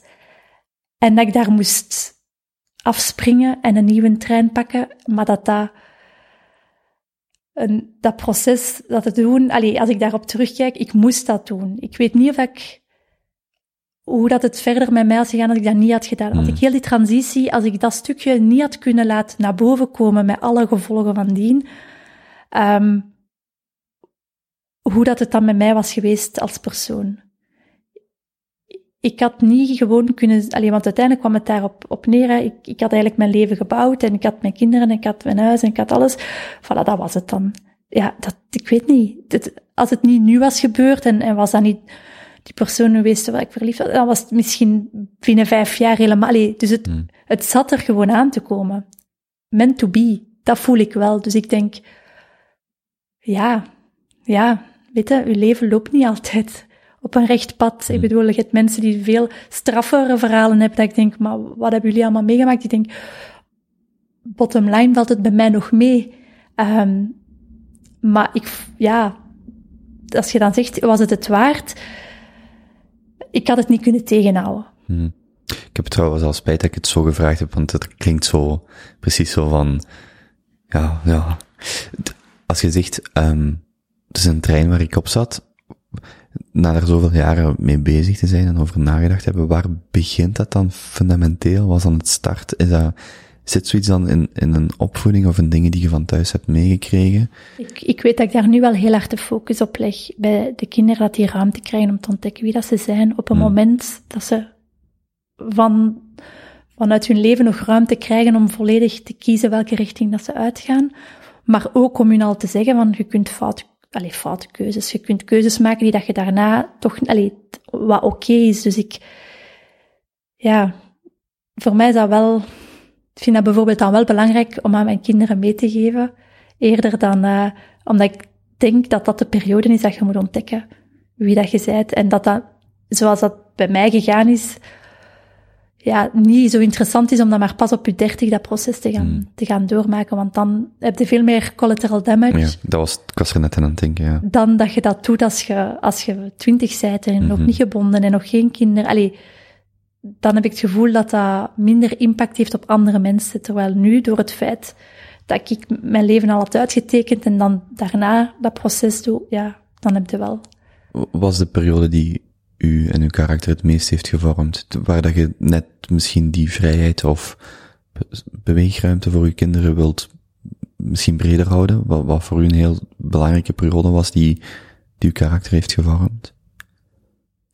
Je bedoelt over heel mijn leven nu, ja. Mhm. Voor mij is het, Nee, ik bedoel, ik bedoel in die, als je zegt ik zat op een trein dat eigenlijk niet de mijne was, of, of op een, het gaat dan terug naar waar begint dat, waar ligt daar de, is daar een periode waar je zegt, amai, daar is op, is op jonge leeftijd of voor mijn achttiende of wanneer dan ook, is mijn wereldbeeld wel hard gevormd en ik probeer, maar ik kom natuurlijk vanuit een, een, een conservatieve opvoeding. Ehm, ik heb mij heel hard afgezet tegen die opvoeding, maar ik hunkerde ook natuurlijk naar de goedkeuring. Hmm. En ergens dacht ik van ja, als ik dat pad inga, dan krijg je de goedkeuring van mijn ouders. Wat voor mij onbewust dan toch wel een hele belangrijke was. Dus ik ben eigenlijk verder gegaan op dat, op dat pad dat ik kende. Ik heb eigenlijk gewoon teruggebouwd van wat ik kende. Een soort van, ja, kooi zal ik maar zeggen, waar dat ik in zat. En ik heb gewoon mijn eigen kooi erna gebouwd, zonder daar verder over na te denken. Maar ik dacht van ja, dit is dat is de manier dat ik op mijn eigen benen sta, maar met de goedkeuring en zonder conflict. Allee, of zo, min, zo min mogelijk conflicten, want ik had die conflicten allemaal gehad. En ik had daar ook geen zin meer in. Dus ik dacht, ik ga hier kiezen voor de, de meest makkelijke manier, zal ik maar zeggen, om, om, om op mijn eigen benen te staan, zal ik maar zeggen.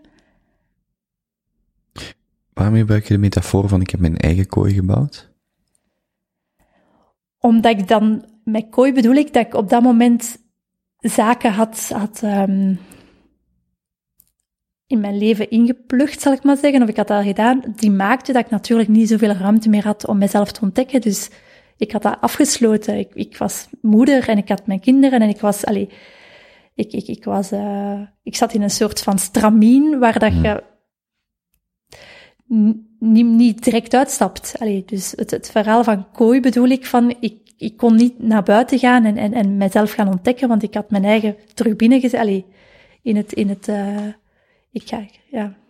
Hoewel je dan afbrak, of misschien je eigen pad vanaf je achttiende of die periode opging, als je dat zo zegt, dan denk ik direct, dat was dan meer zo'n, klinkt als zo'n illusie van vrijheid, tot dat met je 29ste, 30ste, wanneer je ineens merkt, ah, maar wacht eens, wat ik dacht dat misschien afzetten was tegen, of mijn eigen pad kiezen, zit veel nog, zit toch nog veel meer in een bepaalde kooi, wat je zelf gebruikt, of een bepaalde illusie van vrijheid, omdat je net door de keuzes die je maakt beperkt je al per definitie wat er daarna komt. En zelfs de vrijheid die je voor jezelf dacht te nemen, heb je eigenlijk zelf, of, of is door de situatie ook beperkt, zijn en ik bedoel niet, ook niet louter de kinderen, maar ook misschien wel je professioneel je capaciteiten ja. had, Ja, en, en die partner en de kinderen, en, en net in België blijven, want je zegt net, ik had kunnen reizen, dat dan ook later in je leven, na, naar aanleiding van of na de ontslag, zo, dat het dan echt naar boven komt, ah, van dat wat ik dacht dat mijn leven was en mijn keuzes waren, zijn eigenlijk misschien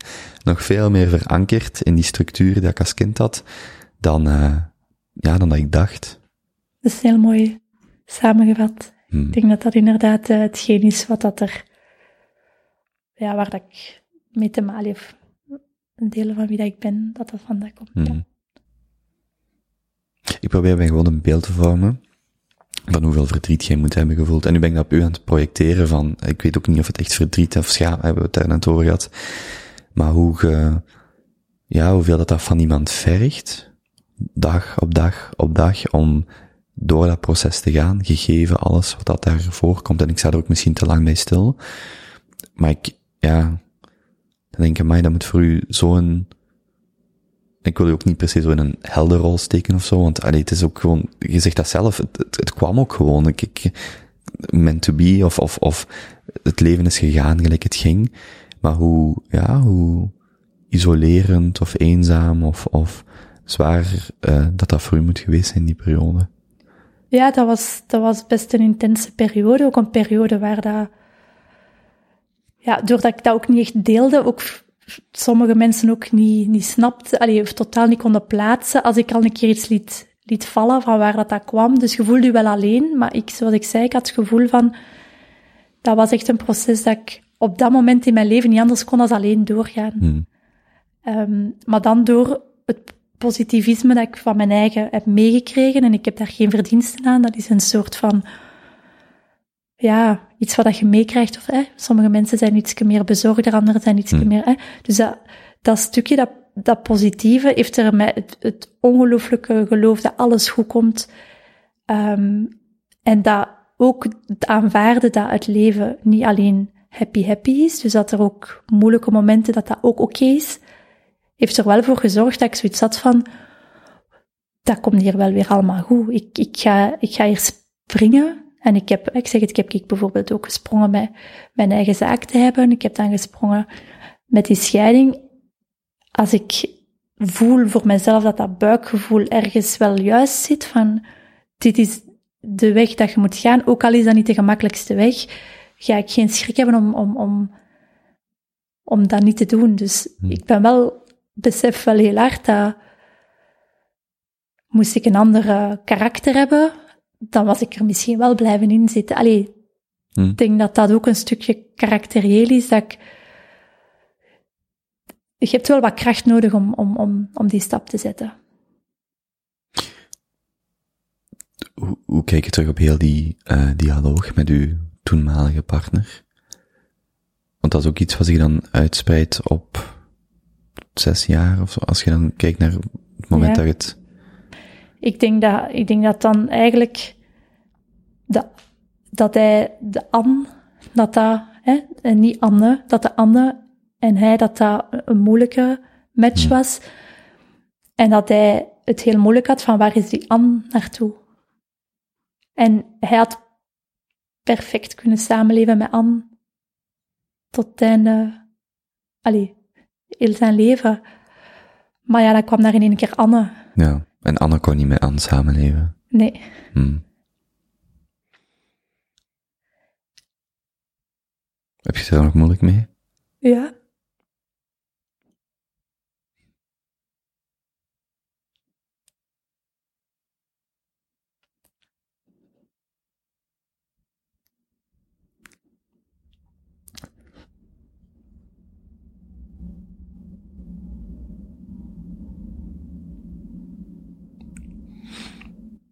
Wat voelt je nu? Oh ja.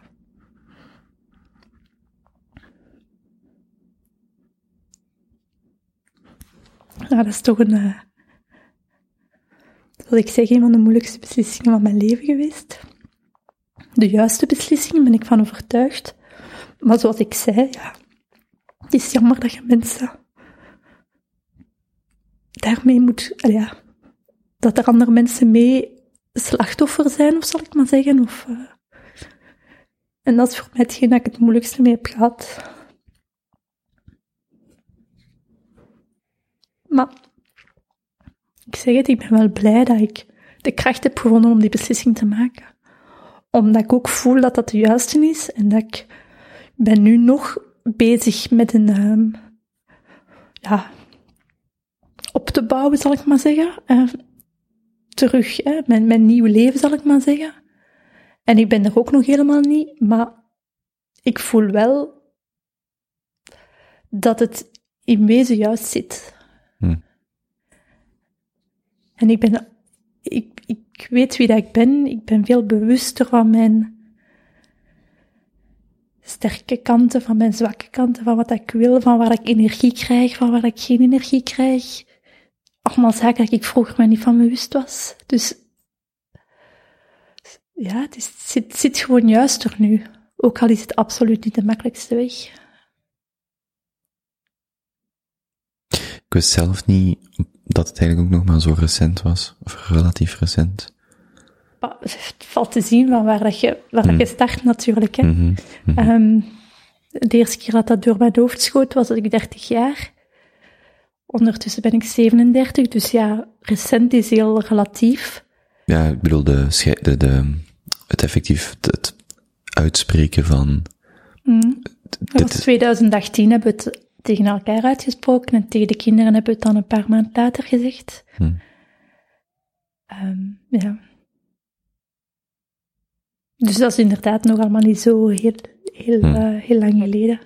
en voor een periode van een kleine twintig jaar in uw leven, Als dat ongeveer een jaar, twee jaar geleden is dat je het gezegd hebt, of dat je het, dat is niet zo lang, hè? Nee. In vergelijking met wat er daarvoor kwam. Ja, dat is waar, dat is waar. Als je van op je zeventienen of zo samen waart. Ja. Waart, ja.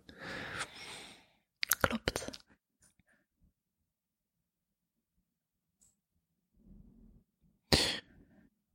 Kunt jij ondertussen wel met mensen beter over praten? Of met bepaalde mensen? Of blijft dat iets wat je vooral zelf draagt? Ik ga daar niet zo gemakkelijk over praten. Ik, ehm ik hou dat gewoon, ja, zoals je zegt, een beetje... Ja, ik, ik, ik vraag me nu ook af, hè, ik zit hier heel open te vertellen in de podcast, dus ik, dat is toch ook wel een momentje, want ik ga, dat, hè, dat gaat gedeeld worden, wat oké is. Maar eh, om dat zo proactief over te gaan praten zelf, Hm. zal ik niet vaak de eerste stap zetten, nee. Dus het blijft wel iets wat je vooral zelf wel, dat is wel een constante voor u, dat je de dingen in u, vooral binnen de intimiteit van uzelf, houdt en dat je er wel over praat, maar het is wel iets wat jij voornamelijk zelf draagt. Ja, Hm. ik denk dat wel. Ik denk dat wel. Daarnet zei je nog, eh, ik wou, daar, ik wou daar nog op ingaan, het verschil tussen moeder zijn en vrouw zijn, of de, de, het moederschap en vrouwelijkheid. Ik wou je daar gewoon nog vragen van, kunt je daar wat meer over vertellen? En dan komen we even gewoon over iets leuks. even, Ehm, ik wou vragen hoe was het voor de kinderen, maar ik dacht, wacht even, even iets anders. ehm, ja, het, het gegeven dat de vanzelfsprekendheid dat er naar boven komt in een moederrol, het zorgende, het feit dat kinderen op de eerste plaats komen, het feit dat je ehm, ja, die vermoeidheid ook, die, het, het, het eh, moet ik zeggen, het onbezonnene van dat is iets wat ik nu maar pas allemaal ontdek, omdat ik één week op twee de kinderen niet heb. En met mijn nieuwe partner ehm één week op twee in Brussel eh woon, in een appartementje. Met jullie tweetjes. Met ons twee. En ik ontdek een leven waar dat je normaal gezien in je twintiger jaren hebt van waar gaan we vanavond naartoe? Ups, Mhm. waar gaan we, allee, het hele vrije, onbezonnene leven. Ehm, waardoor dat er tijd is om inderdaad die, die, die vrouwelijkheid, die... Ik ben ook veel bewuster geworden van wat ik wil en wat ik fijn vind en, en, en waar dat ik naartoe wil op. Terwijl dat ik dat bijvoorbeeld op mijn 18 jaar of op mijn 20 jaar helemaal niet had. Ehm, en daar ook geen ruimte voor was, want ik, ik zeg het, ik was heel streng opgevoed, dus ik kreeg ook die ruimte thuis niet om dat te ontdekken. En dan ga je instant in die zorgende rol van moeder. En dan komt dat stuk gewoon niet aan bod. En dan zijn ze vertrokken. Ehm, dus voor mij, terwijl ik nu denk, moest ik nu moeder worden, door het feit dat ik dat weet of besef of dat heb ontdekt, bestaat dat wel. Maar als dat niet was geëxploreerd, dat is denk ik voor mij het verschil tussen dat vrouw zijn dat ik nu ontdek en dat moeder zijn. Dat zijn voor mij wel twee verschillende zaken. Terwijl meestal heb je dat ontdekt voordat je moeder bent. Mhm. Maar concreet dan voor een man als mij. Wat betekent het wanneer een vrouw zegt, ik ontdek mijn vrouwelijkheid? Want ik redeneer dan direct vanuit mijn mannelijkheid, maar dat zijn twee verschillende dingen. Gaat het dan, want ik denk dan direct aan seksualiteit. Maar het is, het is ook meer dan dat, maar wat, Ja, dat is, dat is uzelf ook sexy en mooi vinden en ook toelaten. maar ik bedoel ook, ik bedoel ook een niet-seksuele, dus gewoon, het gaat erom, sorry nee, ik ga, je- ik ga je laten, gewoon laten vertellen. Ja, dat, dat, dat is dat stukje van, ik ben meer dan mama alleen. Er is een, een, een ja, het, het, dat gaat wel een stukje over, over seksualiteit, maar ook uzelf graag zien. Ook uzelf als, als vrouw kunnen zien en kunnen snappen van, ah ja, oké, ik, ik ben niet alleen moeder. Ik, uh, voor mij is dat wel ge- gekoppeld aan het feit dat, dat, ik, dat ik heel snel in die moederrol ben ge- ge- gegaan. Als niet vrouw zijnde zou, ben ik beperkt in mijn empathie, maar je gaat het dan over dingen zoals, stel je bent, je bent moeder geworden, eh, je lichaam is fysiek veranderd, eh, we gaan er van streamen tot allerlei dingen, dat, zo, ook dat soort dingen bijvoorbeeld kunnen loslaten van, ik ben wel een moeder en ik voel mij misschien minder goed in mijn lichaam dan daarvoor, ik zeg maar iets, maar dat kunnen loslaten en, en uzelf minder als moeder zien, maar meer als, zijn het ook dat soort dingen? Ja, en ondertussen wa- waren die bevallingen al even achter mij, dus ik had mijn lichaam een stukje terug, gelijk het, eh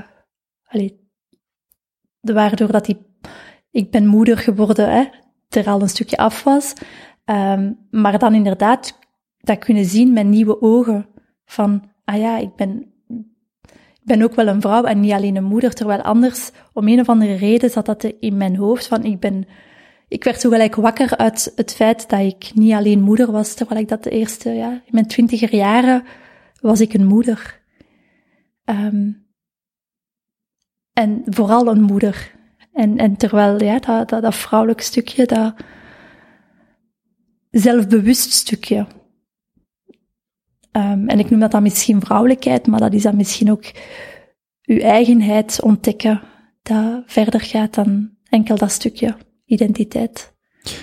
Was dan het stukje eigenheid dat de 37-jarige Anne nooit aan de 27-jarige Anne zou kunnen uitleggen? Dat je ambities kunt waarmaken, dat je dromen kunt waarmaken, dat je kunt, de ambitie oké is, dat je kunt ondernemen, dat je kunt, um, ja, dat je je sterktes kunt inzetten om bepaalde doelen te bereiken. Dat, dat zijn allemaal zaken dat ik, ik, ik had een uitgeschreven leven en ik leefde dat leven. Maar het feit dat ik zelf kon uitschrijven hoe dat Hm. mijn leven eruit ging zien, dat ik zelf die pen, of, of, noem het pen vasthouden, of zeg zelf aan het stuur van mijn leven zitten en niet gewoon op de achterbank, dat was voor mij zo, ja, op mijn 27 jaar had ik dat niet, niet, niet zo door. Dat ik van plaats kon veranderen in een auto en aan het stuur gaan zitten. Hm. Birdnesting zeg je net? Wat is dat? Dat wil zeggen dat de kinderen op één plek blijven wonen en dat dan één week ik daar kom, een andere week hun papa daar komt wonen, maar wel in hetzelfde huis. Ik had er nog nooit van gehoord. Nee? Nee. Nou, Het is niet dat wij dat hebben uitgevonden of Nee. dat bestaat echt. Ik zit ook niet in de situatie, dus misschien, het is ook niet direct mijn leefwereld, maar, uh, ik ken nog mensen die gescheiden zijn, maar wat, ik ken eigenlijk enkel de week-week-regeling dan de kinderen Ja. die naar de ouders gaan. Was er ervoor dat je die regeling koos? Of, of Praktisch. Dat, Ja, het is niet zo simpel om instant twee huizen te vinden waar dat je vijf kinderen hm. kunt laten Dus de wonen. grootte van het gezin was wel een grote factor. Dat was een grote factor. Hm. En, alleen om te ook eerlijk zijn, zo'n birdnesting verhaal is ook niet een mega lange tijd. Dus we weten ook niet hoe lang dat dat gaat blijven, maar dat is een tussenperiode, voor zeker op het moment dat de scheiding nieuw is, zal ik maar zeggen, dat er een, ehm, ja, voor, dat, waar dat de kinderen eigenlijk het belangrijkste zijn, dat zij kunnen blijven leven op de plek waar ze gewend zijn om te Dat die leven vertrouwdheid of zo blijft. om dan, allee, en ik merk nu ook al, want we zijn nu een jaar en een half met de birdnesting bezig. Ja, de situatie nu is al niet te vergelijken met een jaar en een half geleden. Dus dat is iets dat e- constant in evolutie is en ook constant wordt bekeken van, kijk, zetten we dit verder of is er een andere oplossing? Dus dat zijn geen in steen gebeitelde um, ja, manieren om, om, om voor de rest, allee, dat kan altijd veranderen. Hm. Maar op dit moment, en dan spreek ik echt van vandaag, is dit de best mogelijke manier voor iedereen. Hoe oud is de jongste? Die wordt tien. En de oudste? Vijftien dan? Ja.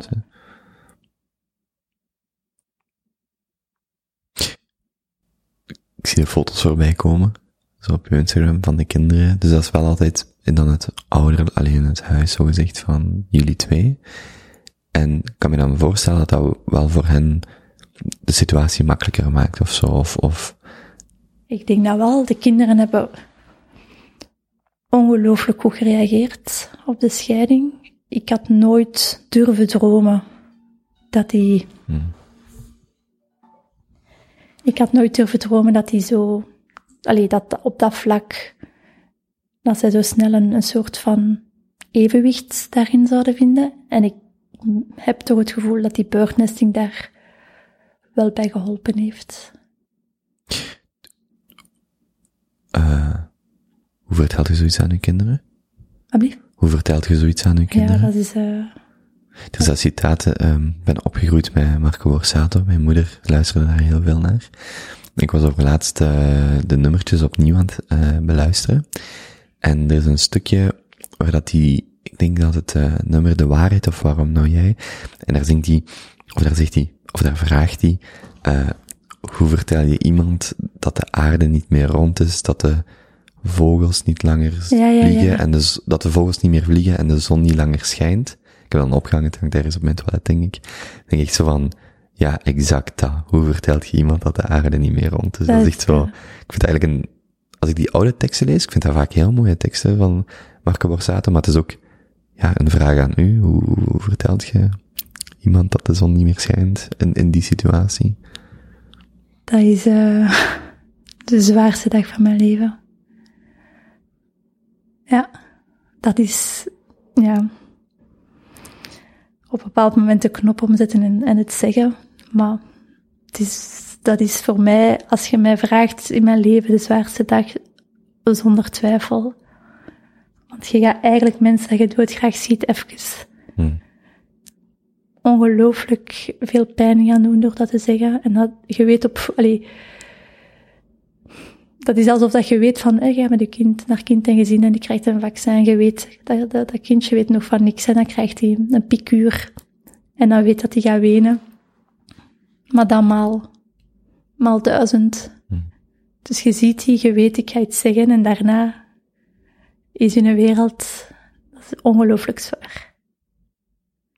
Jullie hebben dat samen gezegd? Ja. En dat was, dat was heavy, dat was moeilijk. Ehm, maar zoals ik zei, daarna hebben ze dat eigenlijk... Hadden we verschillende vragen. Hebben ze dat wel, ehm, vind ik persoonlijk, heel, heel sterk mee omgegaan. We hebben ook altijd... Allee, voor mij, mijn ex-partner, is absoluut de kinderen op de eerste plaats. Dus allee, we gaan absoluut daar altijd, elke beslissing, alle twee denken van wat is het belangrijkste, wat is het beste voor de kinderen. Nu is de verjaardag van Cato binnenkort. Ja, dan gaan we dat nog wel samen vieren, bijvoorbeeld.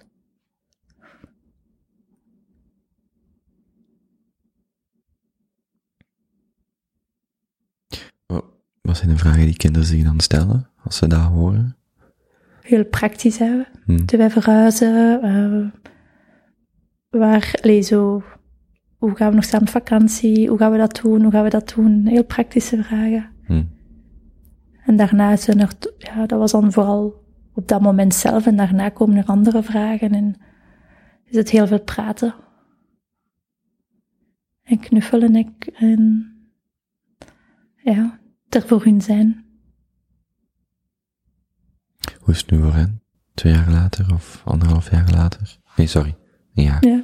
Oh, wel ja, nee, eigenlijk is het een jaar en een half hè, nu, eh, dat zij het weten. Ehm, of dat, dat we de, de regeling hebben. Ik heb het gevoel dat het, eh, dat het goed gaat. Dat ze, het mooiste compliment dat ik kreeg is van een van mijn kinderen die zei, ja, ik vergeet soms dat jullie uit elkaar zijn.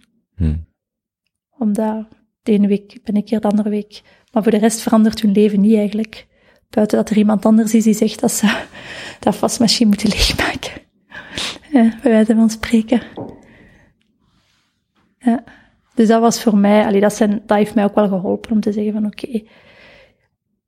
En, en zij ook, hè. het is niet omdat het leven niet over rozen gaat, dat, dat je niet, dat je ongelukkig moet zijn. Dus ik denk dat dat ook een soort van kracht is als zij daaruit kunnen halen. Ik, net, ik was aan het denken, is het een, voor een, binnen het gegeven dat die situatie pijnlijk is, op veel vlakken, als je het zo vertelt, kan dat ook net een bron van sterkte zijn voor hen? Of heb je de, je hebt de mogelijkheid om binnen die situatie en binnen dat verdriet en wat dan ook, wel daar ook nog iets positiefs van te maken, of sterkte of kracht te tonen in die, die kwetsbaarheid of in die gesprekken dat je met hen hebt, of in het tonen van wij zijn ook niet onfeilbaar, verre van. dat, dat stukje van, kijk, ik heb ook... Het is niet dat het bij mij allemaal allee, vanzelf gaat. Ik maak ook fouten. We hebben ook... Hè, maar juist om te tonen dat dat daarom niet wil zeggen dat we ongelukkig of dat het dan... Ik ben daar ook echt heilig van overtuigd dat als je in de situatie zit, dat er wel handvaten zijn om kinderen daar sterker van te laten worden, wat niet wil zeggen dat dat de manier is om... Allee, het is... Hm. We doen jullie een plezier. Nee, nee. Word maar sterker. nee, nee, maar als het er is, heb ik wel zoiets van, laten we die handvaten nu gebruiken om, Mhm. Om een stuk veerkracht bij de kinderen te bouwen. Hoe vind je die? Of uh, gezegd als iemand door die situatie gaat, ben ik ervan overtuigd dat die er zijn. Hoe, hoe vindt iemand die? Hoe, hoe, hoe begint je daar zelfs mee? Goh ja, door ook over je eigen kwetsbaarheid te spreken met de kinderen en te tonen hoe dat jij daarmee omgaat. Ehm goh, hoe vind je die? Dat is ook niet zo uitget... Allee, dat, dat, dat gebeurt een stukje door wat dat zij aangeven, waardoor dat zij iets voelen, waardoor dat je een haakje vindt om daarop op in te spelen. En ook te tonen dat... Voor mij is het ook een belangrijke om te tonen dat je geen schrik moet hebben als er iets fout loopt, dat je daar ook daarna kunt vallen en toch terug kunt opstaan. Allee, het hangt er een beetje van af, kind per kind, wat dat ze u aanreiken, welke handvat dat voor hun helpt. Het is, het is allemaal niet zo met een bigger plan of zo. Dat niet. Maar het begint wel vanuit een soort van uh, centriciteit van de kinderen. De, de, als er al iets positiefs van die situatie kan voortvloeien, uit die situatie kan voortvloeien, begint het wel van kinderen staan, het gesprek dan tussen u en uw toenmalige partner, kinderen staan centraal en van daaruit gaan we, gaan we proberen om daar, om daar toch nog iets goeds van te maken. En bijvoorbeeld dan, dan is birdnesting een Ja. vrij voor de hand liggend concept als je redeneert vanuit niet de, de partners, maar de kinderen. Ja. Hm.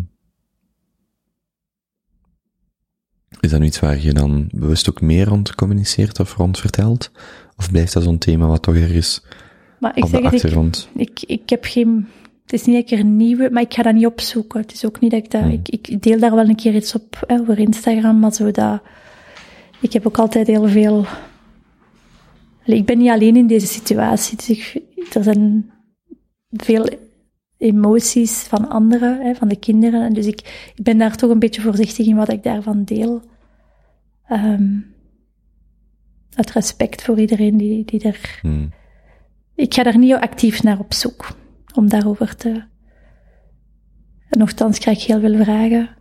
Ik kreeg zelf een vraag om een boek te schrijven over scheiden. En dus ik denk, ja, maar nee, ik zit er nog veel. Allee, ik kan dit niet. Dat is niet wat ik wil. Of, of in de krantenartikels, of, allee, of, of reportages over die birdnesting, maar ik vind dat, vind dat een beetje een moeilijke soms. Ik kan mij voorstellen in zo'n situatie dat dat van buitenaf nogal snel lijkt alsof er een of ander plan is of een of ander Ja.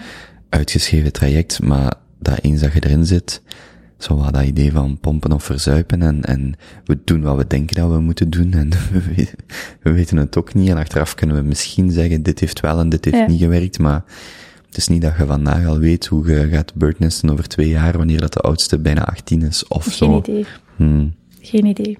Absoluut geen bigger plan. Wat niet wegneemt, dat wel voor veel mensen een heel interessante, want wat ik vooral, wat ik u vooral hoor zeggen is zo, los nu of je, los nog van wat uw familiale situatie is, of je al dan niet kinderen hebt of meerdere kinderen, ik denk dat wel dat, dat veel mensen zich herkennen en, en ik denk zeker, ik moet oppassen als ik voor andere vrouwen spreek, maar zo dat ontdekken van uzelf en wie je zijt en dat je een bepaald pad hebt, bij u was dat zeer familiaal, maar ik, hoeveel mensen zijn er? Zo, zoveel mensen die ineens op hun dertigste of rond een bepaalde periode of later in hun leven merken van, ah ja, maar wacht eens, dit, ben een leven aan het leiden wat die illusie van vrijheid vooral had.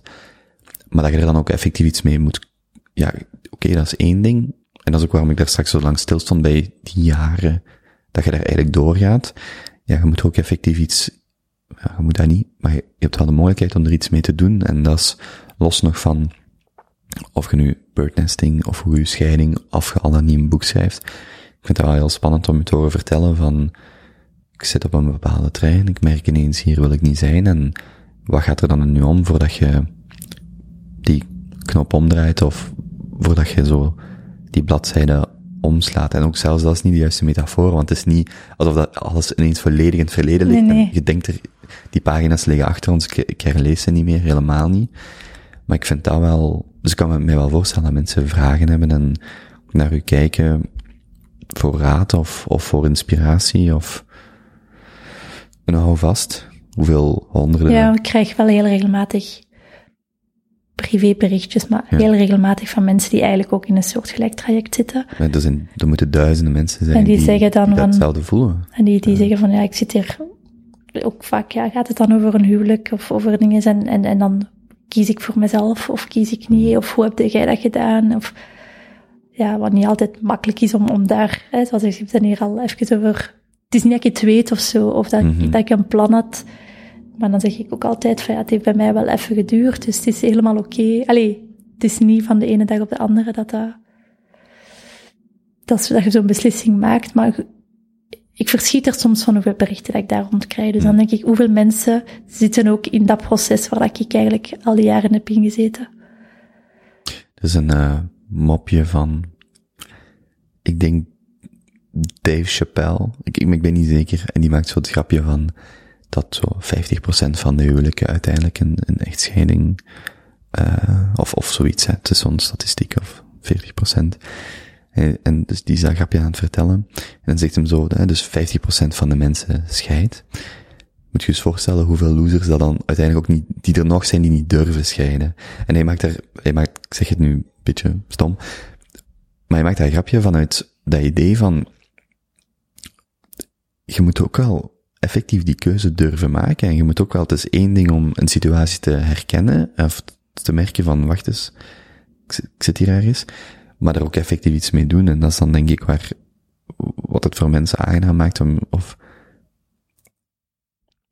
of, um, die stap om u dan te volgen of te contacteren, omdat je wel effectief er iets mee doet en erdoor gaat en niet vanuit een, kijk eens, zo moet jij het ook doen, dit zijn de vijf stappen voor een happy ever after, maar wel van, nee, dit is gewoon het, het, het, uh, het messy gedeelte van, van het alledaagse leven, wat dat daarbij komt kijken, en, en de keuzes, dat zeggen ze net zelf ook, die keuzes hebben ook consequenties, en er zijn andere mensen bij betrokken, en ja, ik zeg, ik kan me voorstellen dat dat voor veel mensen wel zo'n soort van, juist, dat, dat dat u dat, dat dat mensen sterkte geeft of zo, of toont van, ja, dat was ik ook. dit is een pad. Ja, en ook het feit dat ik zoveel toch begrip ook heb gevoeld nadat ik de beslissing had kenbaar gemaakt, terwijl ik ook heel hard schrik had dat mensen dat gingen veroordelen.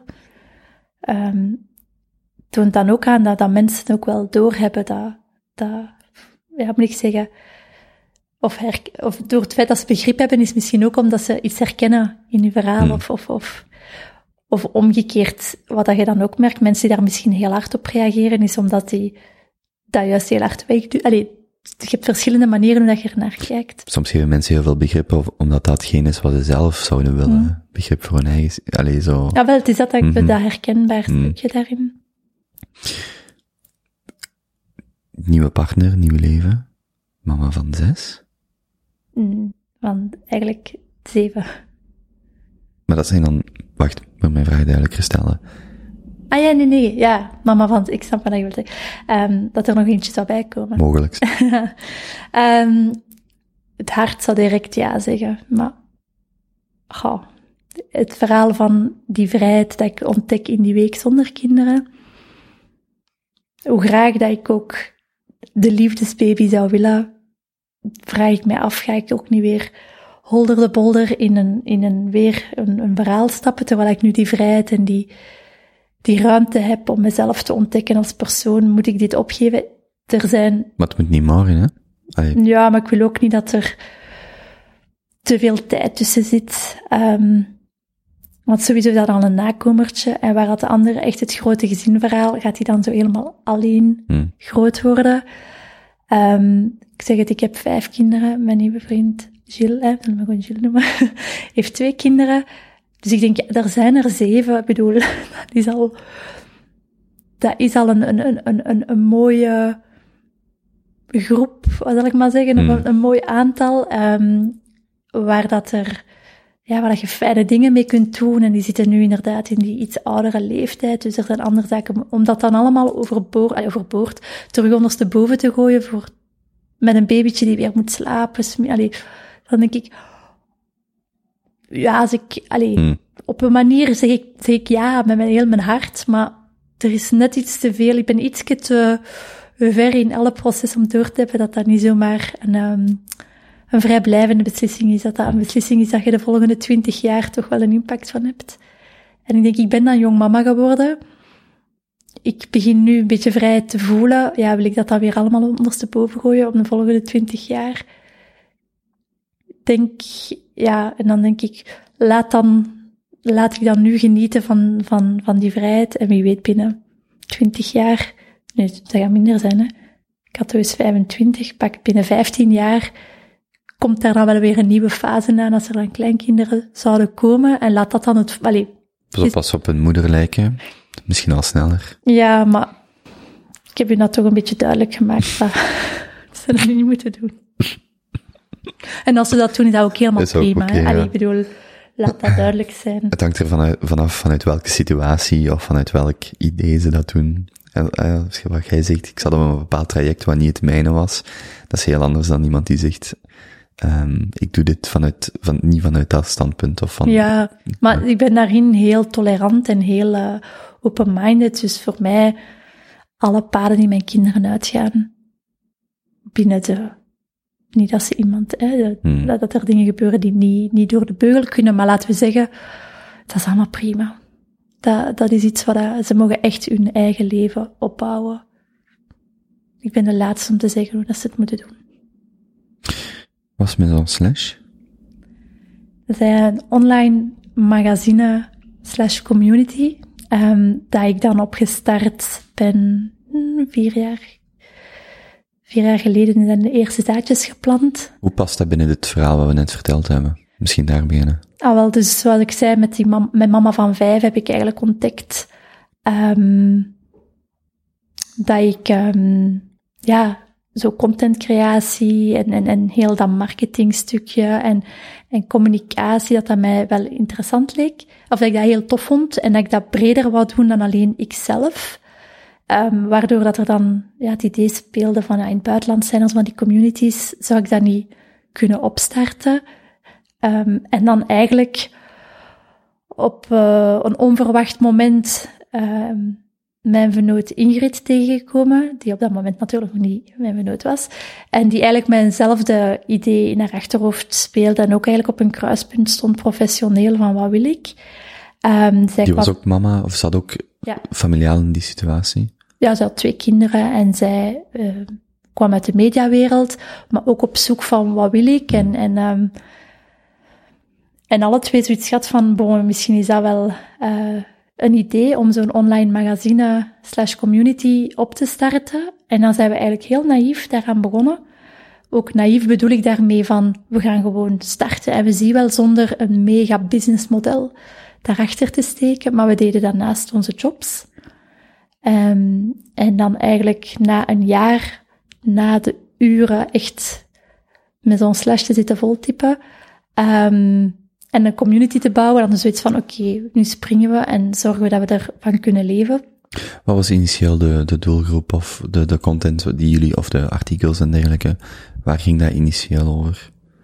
Ja, dat zijn eigenlijk, ehm, onze doelgroep noemen wij de New Generation Parents. Dus wij voelen onszelf een beetje in die doelgroep, namelijk, eh, je bent meer dan mama of papa alleen. Ehm, je hebt kinderen, maar het klein-klein is er vanaf en je ontdekt terug dat er meer is dan alleen. Hmm. Ehm, artikels over hoe laat ik mijn kind doorslapen. Hè? Dus minder informatief, maar meer lifestyle. Maar wel indachtig dat je kinderen hebt. Dus niet gewoon puur op ehm, de lifestyle dan. Dus het is altijd een soort van combinatie als ouder herkenbare content ehm, ja, voor te zoeken, zal ik maar zeggen. Ehm, en ja, een beetje met een, met een knipoog, met wat humor, herkenbaar. Een soort van tone of voice dat je eigenlijk niet direct terugvond bij content voor ouders. Meestal gaat het dan heel informatief, ehm, maar minder met die kwinkslag. En in het buitenland waren er wel een paar voorbeelden van communities die dat deden en daar hebben we op geïnspireerd. Ehm, ja, en Ingrid is een uh, steengoede journaliste, copywriter, dus zij kan als geen ander ehm, die artikels of die tone of voice heeft zij een stukje vormgegeven. Hmm. En ik, ja, vanuit mijn saleskant ging ik dan op zoek naar en vanuit de link, alleen moet ik zeggen, de connecties die ik dan had vanuit Mama van Vijf, zeker in het begin nog, ehm, en vanuit mijn andere salesjobs, ja, was dat dan mijn DNA, zal ik maar zeggen. Maar dat ging dan bijvoorbeeld ook zo over die vrouwelijkheid waar je het net over had, we- weg van dat moederschap naar zo dat type thema's ook. Ja, maar het is niet alleen voor, voor mama's, hè. dus het gaat echt Mhm. voor ouders, dus voor moeder en vaders, maar het is zo meer van, kijk, wat zijn de toffe locaties waar dat je zondag eh, een koffie wilt gaan drinken, maar wel met een, een, een parent-friendly plek, waar dat je als ouder op je gemak zit en waar dat je kind ook op zijn gemak kan rondlopen. Hmm. Ehm, wat zijn die plekken? Maar, allee, dus het is echt zo content dat het stukje persoon dat je naast mama of papa bent niet vergeet. En dat kan inderdaad gaan over locaties waar dat je naartoe kunt gaan, maar dat kan even goed gaan over ehm, hoe dat je ja, gezond eten op tafel eh, zet in de wetenschap dat je eigenlijk weinig tijd hebt en dat je met honderd andere dingen bezig bent, maar dat de kinderen wel, dat je wel ergens wilt dat de kinderen vitamine ehm, hebben. Voilà, die herkenbaarheid in in de struggle, dat zijn zaken waar dat wij op, eh, op inspelen. Zodanig dat ouders zoiets hebben van, ah, maar jullie snappen met wat dat we bezig zijn. Dus nooit het vingertje. Een van de redenen zit ik met die stomme woordgrap in mijn hoofd, zo van kind en gezin, oei ik groei, daar dan zo voor de ouders van oei ik stoei, of zo. Zo van, wat vrijheid voor de ouders binnen die, binnen het ouderschap, dat dat niet, ja, puur en alleen, we zijn ouders, dat kind, we moeten dat opvoeden, maar ook we zijn daarnaast nog, nog mensen. Wij zijn gestart in der tijd, want ja, natuurlijk was er geen budget voor een grote marketingcampagne, met een soort guerrilla marketingactie. Ehm, hadden wij toen een inzending opgestuurd voor ehm, het woord van het jaar. En we hadden toen Samson Sex als woord van het jaar eh, geïntroduceerd. Is dat met een pop? Ik heb, ik heb, ik had er nog nooit van gehoord. Nee, maar dat is eigenlijk het, het eh, idee dat je je kinderen tussen zondagochtend voor Samson zet, dat je Ah, even tijd hebt. Oké. Voilà. En dat is, dat is uh, het woord van het jaar geworden in 2017. Dus we hebben daar wel wat aandacht mee gekregen. Zalig. Um, maar voilà, dus dat is inderdaad dat stukje. Dus dat is echt, als, wacht, om, wat is dat dan van 9 tot 10 uur op een zondagochtend? Ja, maar nu is dat natuurlijk niet meer... allee, Mm. Dat was in onze tijd, was er Samson en Mm. Schuif af en zo, hè. Op, op van allee, zondagochtend, toen dat er nog lineaire tv was. Nu is dat natuurlijk allemaal YouTube en een iPad, maar dat geeft wel een beetje de connotatie van wat dat wij als DNA met zo'n slash willen zijn. Mm. Van kijk, dit is een soort van hack, hoe dat je toch quality time kunt gaan eh, introduceren. Ehm, en dat is een herkenbaar... Allee, het, gaat, het zit hem echt over, over die tone of voice waar dat wij proberen dag in dag uit content te gaan eh, rondschrijven. En we zijn nu met een team van acht. Dus dat is toch al Ja, niet meer weinig. Want dat wil ik nog even vragen. Dus je begint het met het idee van we doen dit naast ons werk. Ja. Maar was er van het begin wel al die professionele insteek van we willen dit wel profe Het was niet gelijk mama van vijf van... Nee, nee, nee, nee. nee. Nee, helemaal nee, nee. We, Ja. wisten, we willen daar iets... ehm we willen de, allee, onze droom was toen om ervan te kunnen leven. Ehm, maar we wisten ook heel goed, kip of het ei, ja, als je geen community hebt, kun je ook niks aan een bedrijf gaan zeggen van zeg, is een beetje wat jij ook zegt hè, met je podcast, je bent eerst aan het bouwen voordat je daar advertenties gaat kunnen, kunnen aan koppelen. Ehm, dus dat was dat eerste stukje, maar we hadden wel het idee vanaf dat we groot genoeg zijn ehm, en we hebben een bereik dat interessant kan zijn, dan gaan we de markt op en gaan wij zoeken naar partners. Zodanig dat we nog meer tijd en ruimte hebben om met zo'n slash uit te bouwen en dat DNA juist te zetten. Want ja, met twee kunnen dat niet gewoon, allee, naast een job en naast Hm. je gezin, onmogelijk om dat vol te houden. Dat was een marathon, eh, maanden om dat te, allee, in die eerste jaren om dat gerund te krijgen, dat was, dat stopte nooit. Hoe lang heeft dat geduurd voordat je professioneel kon gaan? Een jaar. Een jaar. In 2017 zijn wij gestart. Ehm, en ja, voilà, in 2018 is het echt, hebben we echt eh, een inkomen er kunnen uithalen. Eh 2019 en nu 2020, ja. In het begin was dat enkel webcontent. Dus enkel geschreven artikels onder de website, onder mijn zo'n slash. En dat was het. Ja. Hoe is dat dan geëvolueerd? Maar het is eigenlijk nog altijd dat, hè. Maar die community, wat je net zegt, Ah, ja. ja. Maar die community, dat is eigenlijk de mensen die ons volgen, ons lezen, nieuwsbrief, Facebook, Instagram. deden jullie ook evenementen of zo? Ja, wij hebben ook eh evenementen gedaan, de Family Rave Party. Ehm, dat is dan eigenlijk op een zondagmiddag naar de discotheken van Weleer Hmm. gaan. Ehm, waar dat je met de kinderen kunt gaan raven. Op een toffe mix van parent-friendly muziek, dus wat ouders en kinderen tof vinden. Dus geen kinderfuif. Maar Kom schatje, we gaan naar de Zillion. Of ja, maar we hebben het, de Zillion niet, maar we hebben het gedaan in de Nox. Mhm. We hebben het gedaan, ja, toen is dat last minute, maar wat het in de Compasclub. Uh, maar dan was daar in een keer een sluiting. en we hebben het uh, gedaan in uh, de Versus. Mhm. Dus allee, de, echt wel een beetje de, die locaties uitgezocht. Maar nu met corona is het een beetje stilgevallen.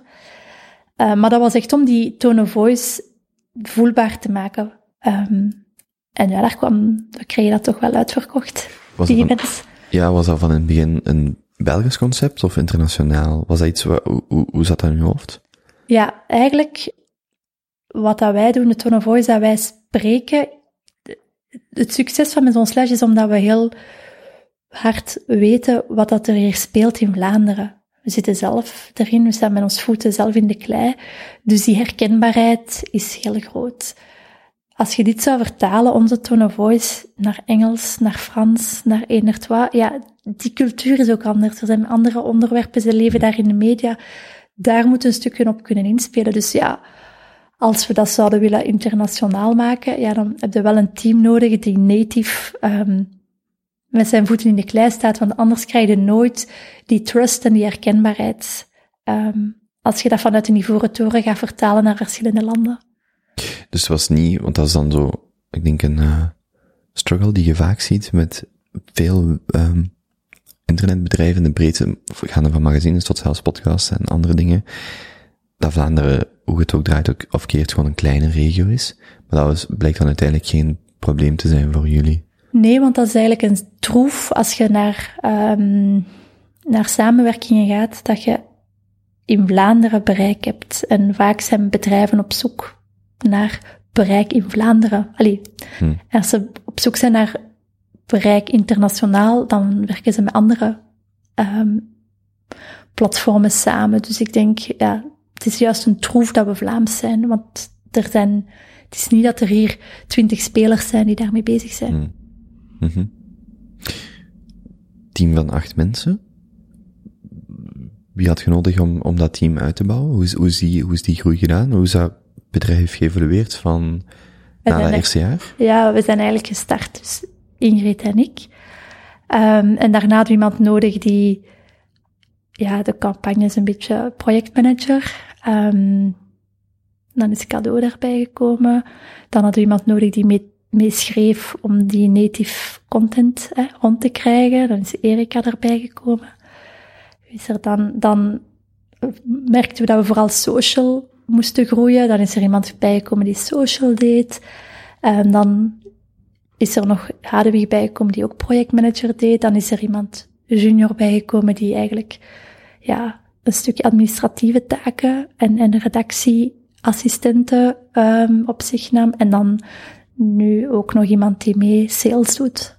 Omdat natuurlijk, ja, u, ik zeg, u, uh, onze lezersaantallen groeien, dus er is meer potentieel. Dus je hebt ook, ja, ik kon het ook niet meer allemaal alleen de sales op mij pakken. Mm -hmm. um, ja. Sales zijn dan samenwerkingen, advertenties mogelijk, uh, dat type dingen. Ja, ja. Mm -hmm. Maar advertenties dan eigenlijk puur in native content. Dus wij gaan niet gewoon advertentieruimte. We gaan altijd cureren van wie, wie zijn onze partners met wie dat we samenwerken en wij vormen zo'n slasje hun Mm. boodschap. Um, zodanig dat je die herkenbare tone of voice, um, die humor, die knipoog ook in die samenwerkingen kunt terugvinden. Fysiek magazine? ja, die droom is er, maar gewoon al één, één ehm, issue maken van een magazine, dat is al een investering van 25.000 euro. Dus ja, dat is toch wel best wel risicovol. Ehm, we hebben wel al boeken geschreven. Hmm. Dat is dan minder risicovol dan een, eh, een magazine. Ja, dat is een, ehm, een duur verhaal. En dan moeten ze toch ook al per, per eh, boekje moeten ze dan toch al 15 euro betalen of zo om daaruit te geraken. Dus we zeggen niet nee, maar het is niet voor morgen. Mhm. Hoe groeit dat nog verder? Ehm, ja, op zich. Of hoe evolueert Ja, nog verder? wij blijven nog wel altijd groeien in, in lezersaantallen. Dus we merken dat dat heel concentrisch gaat. Dus mensen die ons kennen en dan rondom rond groeit de, groeit de cirkel, zal ik maar zeggen. Maar er zijn toch nog wat blinde vlekken ehm, op de kaart. Waar dat bijvoorbeeld mensen die al in onze doelgroep zitten en die als ze de content lezen zich erin herkennen, ons toch nog niet ontdekt hebben. Dus daar zit Geografisch of Ja, geografisch. Ik, ik, ik zie dat dan in, in, soort, in een soort van Facebook. West-Vlaanderen? Nee, nee, nee, want we zitten overal in Vlaanderen, maar het is meer zo, ja, zo, het gebeurt toch nog wel dat, dat mensen zeggen, nu vaak als ze gaan kijken op Facebook en zoeken ons, zijn er wel gemeenschappelijke Mhm. vrienden die ons volgen, dat bijna altijd al.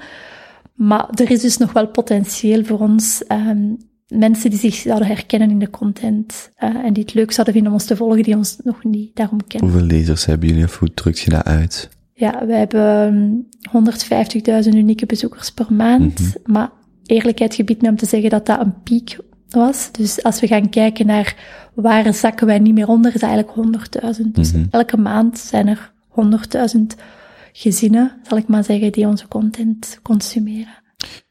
Hoe waren de laatste maanden in de context van corona? Dat waren hele goede maanden. Ja. Ehm, op gebied van eh, lezers heeft dat echt zot gegaan. Daar hebben we ook die piek hè, van die 150.000 gehaald.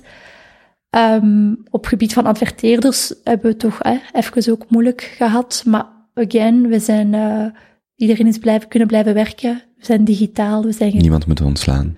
of, of technisch werk Mhm. moet zitten.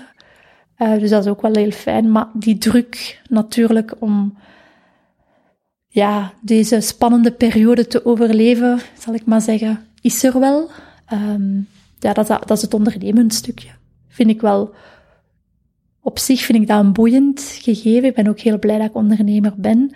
Maar ik leer elke dag bij, want ja, vanzelfsprekendheid is nu net niet wat dat je daar hebt. Dus elke Hmm. maand is opnieuw kijken en plannen en bijsturen en flexibel zijn. En Parallellen tussen ondernemerschap en moederschap? Ouderschap? Zijn die er? Of is dat een te romantische vraag van iemand die geen van beide is? Um, goh, parallel. Ja, ik weet dat niet. Ik vond het moederschap op een manier makkelijker dan het ondernemerschap. Hmm. Het, het, het, het moederschap gaat natuurlijker. Maar dat raakt misschien aan wat je daar straks, sorry, mag je, dat raakt misschien aan wat je daar straks zei. Het moederschap was, lag lat misschien minder laag, net omdat je in een bepaalde cocon zit. Vandaag zit je 15 jaar ouder, of 10, 15 jaar. Toen wanneer dat die kinderen kwamen. En je vergelijkt je misschien ook, allee, je, leeft ook in een heel digitale context. Is dat iets wat er dan mee te maken heeft, als je dat zegt? Dat misschien nu de lat hoger lijkt te liggen? Ja, ja, en ik denk ook, ehm, ja, moederschap vind ik ook iets heel persoonlijk. Dat is, ik, allee, je bent sowieso de beste mama voor je kind, want je bent hun mama. Ze willen geen andere mama dan hun mama. Elk kind gaat zeggen, wie heeft de beste mama? Ik, allee, of moet het echt al heel, heel slecht doen, hè. Maar Mm. allee, laten we ervan uitgaan dat je met de beste bedoelingen aan het moederschap start, dat negen op de tien kinderen vinden dat hun mama de beste mama is. En dat is helemaal oké. En, en ik heb ook het gevoel dat het foutenmaakverhaal bij kinderen, krijg dat ook allemaal uitgelegd. En, en ja, dat is een heel veilige omgeving. Terwijl ondernemen is niet zo'n veilige omgeving. Je moet, je moet je wel bewijzen. Je, je moet wel je, je mannetje staan. Ehm, ja, in, in, in de... we- Allee, dus ik heb het gevoel... Ja, en uw medewerkers hebben meer alternatieven dan uw kinderen. Uw medewerkers, uw kinderen hebben minder alternatieven met hun ouders als uw medewerkers met hun Ja, bazen. je moet gewoon op heel veel, op heel veel vlakken scoren. En, en je kunt nog zeggen van ja, nee, dat moet niet, maar ja, dan, dan, dan doe je ook niet mee. Allee, dus als je wilt, de bedoeling is effectief dat we met zo'n slash die ambitie hebben om het verschil te maken en dat bedrijven zoiets hebben van, ah ja, wij willen bij jullie samenwerken, want wat dat jullie doen, hè, jullie hebben een, impact. En omgekeerd willen wij bij onze lezers het gevoel geven van, ja, met zo'n slash, jullie snappen het, jullie, jullie zitten op, de juiste, op het juiste spoor. Je kunt je een paar keer foute beslissingen maken, maar mensen zijn hard, hè. Dus als ze zeggen van, ja, maar zit er compleet naast, ja, dan, dan is het gedaan en dan, dan lezen ze niet meer. Dus je moet je elke dag bewijzen. Ik heb helemaal niet dat gevoel dat ik me elke dag moet bewijzen ten opzichte van mijn kinderen. Hebben jullie een podcast? Wij hebben een podcast um, waar dat we denk ik vier of vijf afleveringen van gemaakt hebben, maar tijdsgebrek en ja, juist omdat daar, ja, moet ik zeggen, het groeiverhaal zien we daar nog niet helemaal, Hmm. hoe dat we daar uh, op zouden investeren. Of in groeien, maar we hebben er wel de test gedaan um, en dat was dan kak, dat wist ik niet. Allee, de podcast noemt kak, dat wist ik niet voor ik kinderen had. Um, een referentie naar het boek dat we ook hebben. Hmm. Om die herkenbaarheid. Het is eigenlijk heel leuk om te doen, ook heel grappige podcasts. maar ja, ik zeg het is zo, als je zo'n community hebt of een online magazine, je probeert verschillende zaken uit. Het is ook heel veel testen.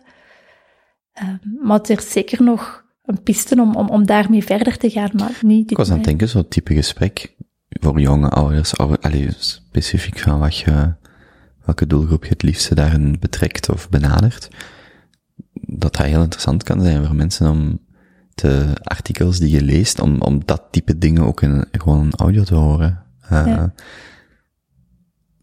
ja was, was, was iets waar ik net spontaan aan moest denken vanuit jullie traject als moeder slash vader, als ouders, zo, om daar gewoon mensen over te horen vertellen. Zo van, ja. Want die, zo'n beleving van ouderschap, als ik daar vrienden over vertellen, of mijn ouders, is dat hij, dat is iets, wat je net ook zegt, dat is iets heel persoonlijks, en eigenlijk op een microniveau, maar omdat dat zo'n, omdat zoveel mensen kinderen hebben, is ook iets waar heel veel rond te doen is, heel veel informatie rondhangt, maar ook heel veel stigma's en heel veel dogma's, en dat je daar toch heel, ja, dat, het verhaal van andere mensen kunnen horen, of dat, in de vorm van een magazine of een podcast of, of artikelen is, of een, of een Instagram-account, dat maakt eigenlijk nog minder uit. Maar dat je toch niet kunt onderschatten hoe, ja, hoe, net omdat dat zo individueel traject is, dat het ook heel veel deugd kan doen om gewoon eens van iemand te horen, van, ah, um, ik ben daar niet alleen in, of ik ben geen slechte ouder als ik mijn kinderen een herhaling van Samson laat kijken, of zo. Allee. Nee, maar absoluut is dat, hey, het is oké, okay, zo'n beetje de, de baseline van, allee, dat we hmm. willen ondersteunen om te laten, laten zien aan ouders dat, dat het oké okay is, ook als het een keer niet lukt, of ook als uh, die herkenbaarheid van die struggle, dat wouden we een stukje faciliteren en een podcast kan daar zeker, zeker een, heeft daar zeker een plaats in. Hmm. Zet je vier op waar je nu staat? Ja, ja, toch wel, ja. Um, als ik kijk professioneel, als je vraagt wat is uw droomjob, dan denk ik, ja, ik doe mijn droomjob. Dus ik kan me niet inbeelden dat, dat er een job is dat ik liever zou doen als deze.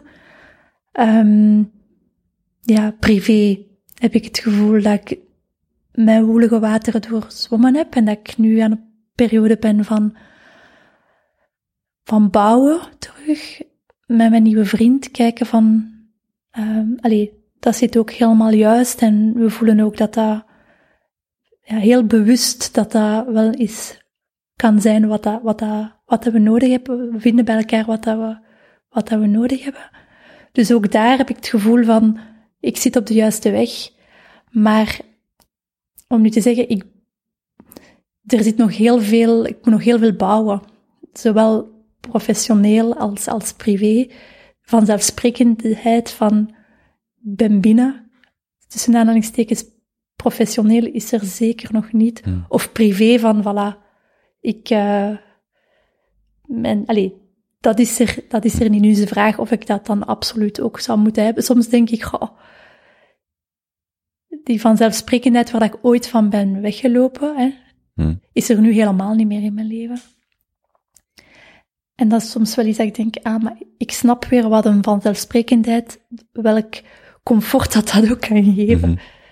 Dat is, eh, maar ben ik vier, ja. Denk het, denk het wel. Is er iets wat ik u ben vergeten te vragen?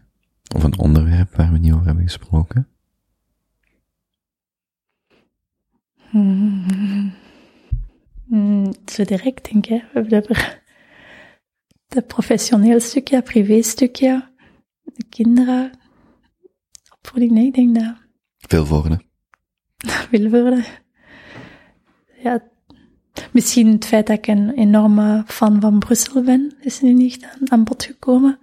En dat ik het ook heel fijn vind dat ik nu één week op twee in Brussel woon, waardoor dat ik ook echt die stad leer kennen. En ik ben Dus de switch tussen Vilvoorde en, nee, tussen Anderlecht en Vilvoorde? Ja, Anderlecht eigenlijk ehm bijna Sint-Gilles, allee, aan het Zuidstation. Dus het is niet ander, allee, want Anderlecht is een grote gemeente. Mhm. Als je ter hoogte van de IKEA woont, dan ben je echt uit de stad, terwijl ik op wandelafstand van de Marollo woon. Ehm, ja, dat is, dat is misschien nog een stukje dat niet echt aan bod is gekomen, maar waar ik zalig vind om te verdwalen in de stad. En elk weekend dat ik daar ben nieuwe dingen te ontdekken. Omdat dat zo'n grote, een grote stad is. Ehm, en dat is ook zo dat stukje dat ik niet echt heb gehad in mijn twintiger jaren. Mhm. Ehm, ik denk dat dat nou, voor de rest.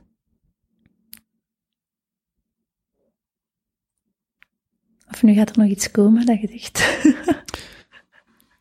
Eh, nee, het is wat ik daar, wat ik denk ook voor de opname zei, dat het zo wat oppassen met dingen die je mogelijk weet, of waar je zo, van, ah, laat ons daar nog over babbelen, als je niet weet dat je gast zo, maar er is niet, ik denk dat we, ik denk wat ik altijd zo, wat altijd de insteek is als je met iemand babbelt, is dat je een kader probeert te scheppen waarin dat die persoon zijn of haar verhaal brengt. En, eh ja, dat je toch zo'n zo'n idee hebt van, dat was bij mij vaak de insteek van, ik kom mensen online tegen of in praatprogramma's of dergelijke. Maar behalve die hun mening dat ze daar verkondigen, ken ik daar eigenlijk niet zoveel van. Bij u is het al anders, want je hebt uw blog en uw Instagram-account. Maar ik vind het heel leuk dat gewoon iemand zijn of haar verhaal wat kunt laten kaderen of schetsen. En um, ik ben wel heel blij dat we of dat je zelf die ruimte hebt gegeven of gecreëerd om daar, om daarover te vertellen. En ook over die, die dingen die misschien niet zo voor de hand liggen, of die niet zo, die vooral intern leven.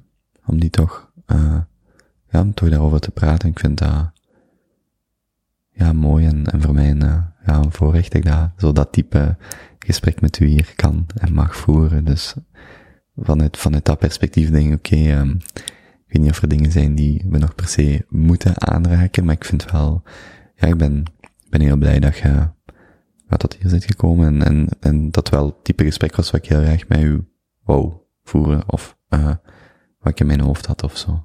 Oké. Okay. Ja.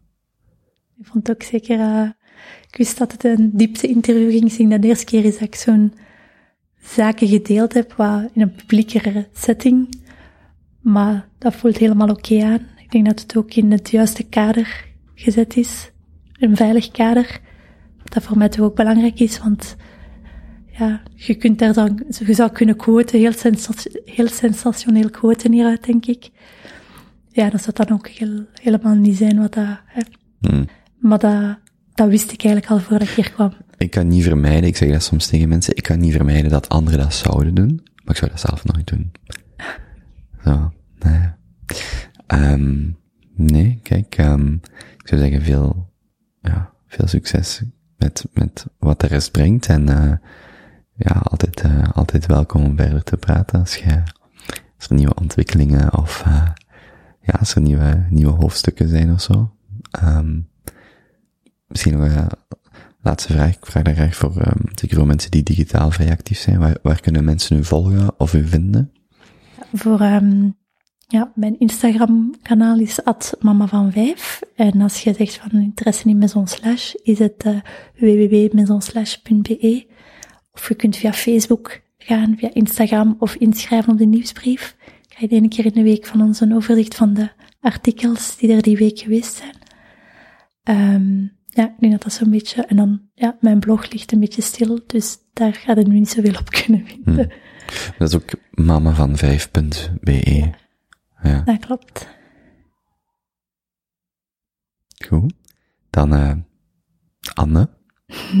Dankjewel om tot hier te komen en uh, veel succes met wat de toekomst brengt. Dankjewel.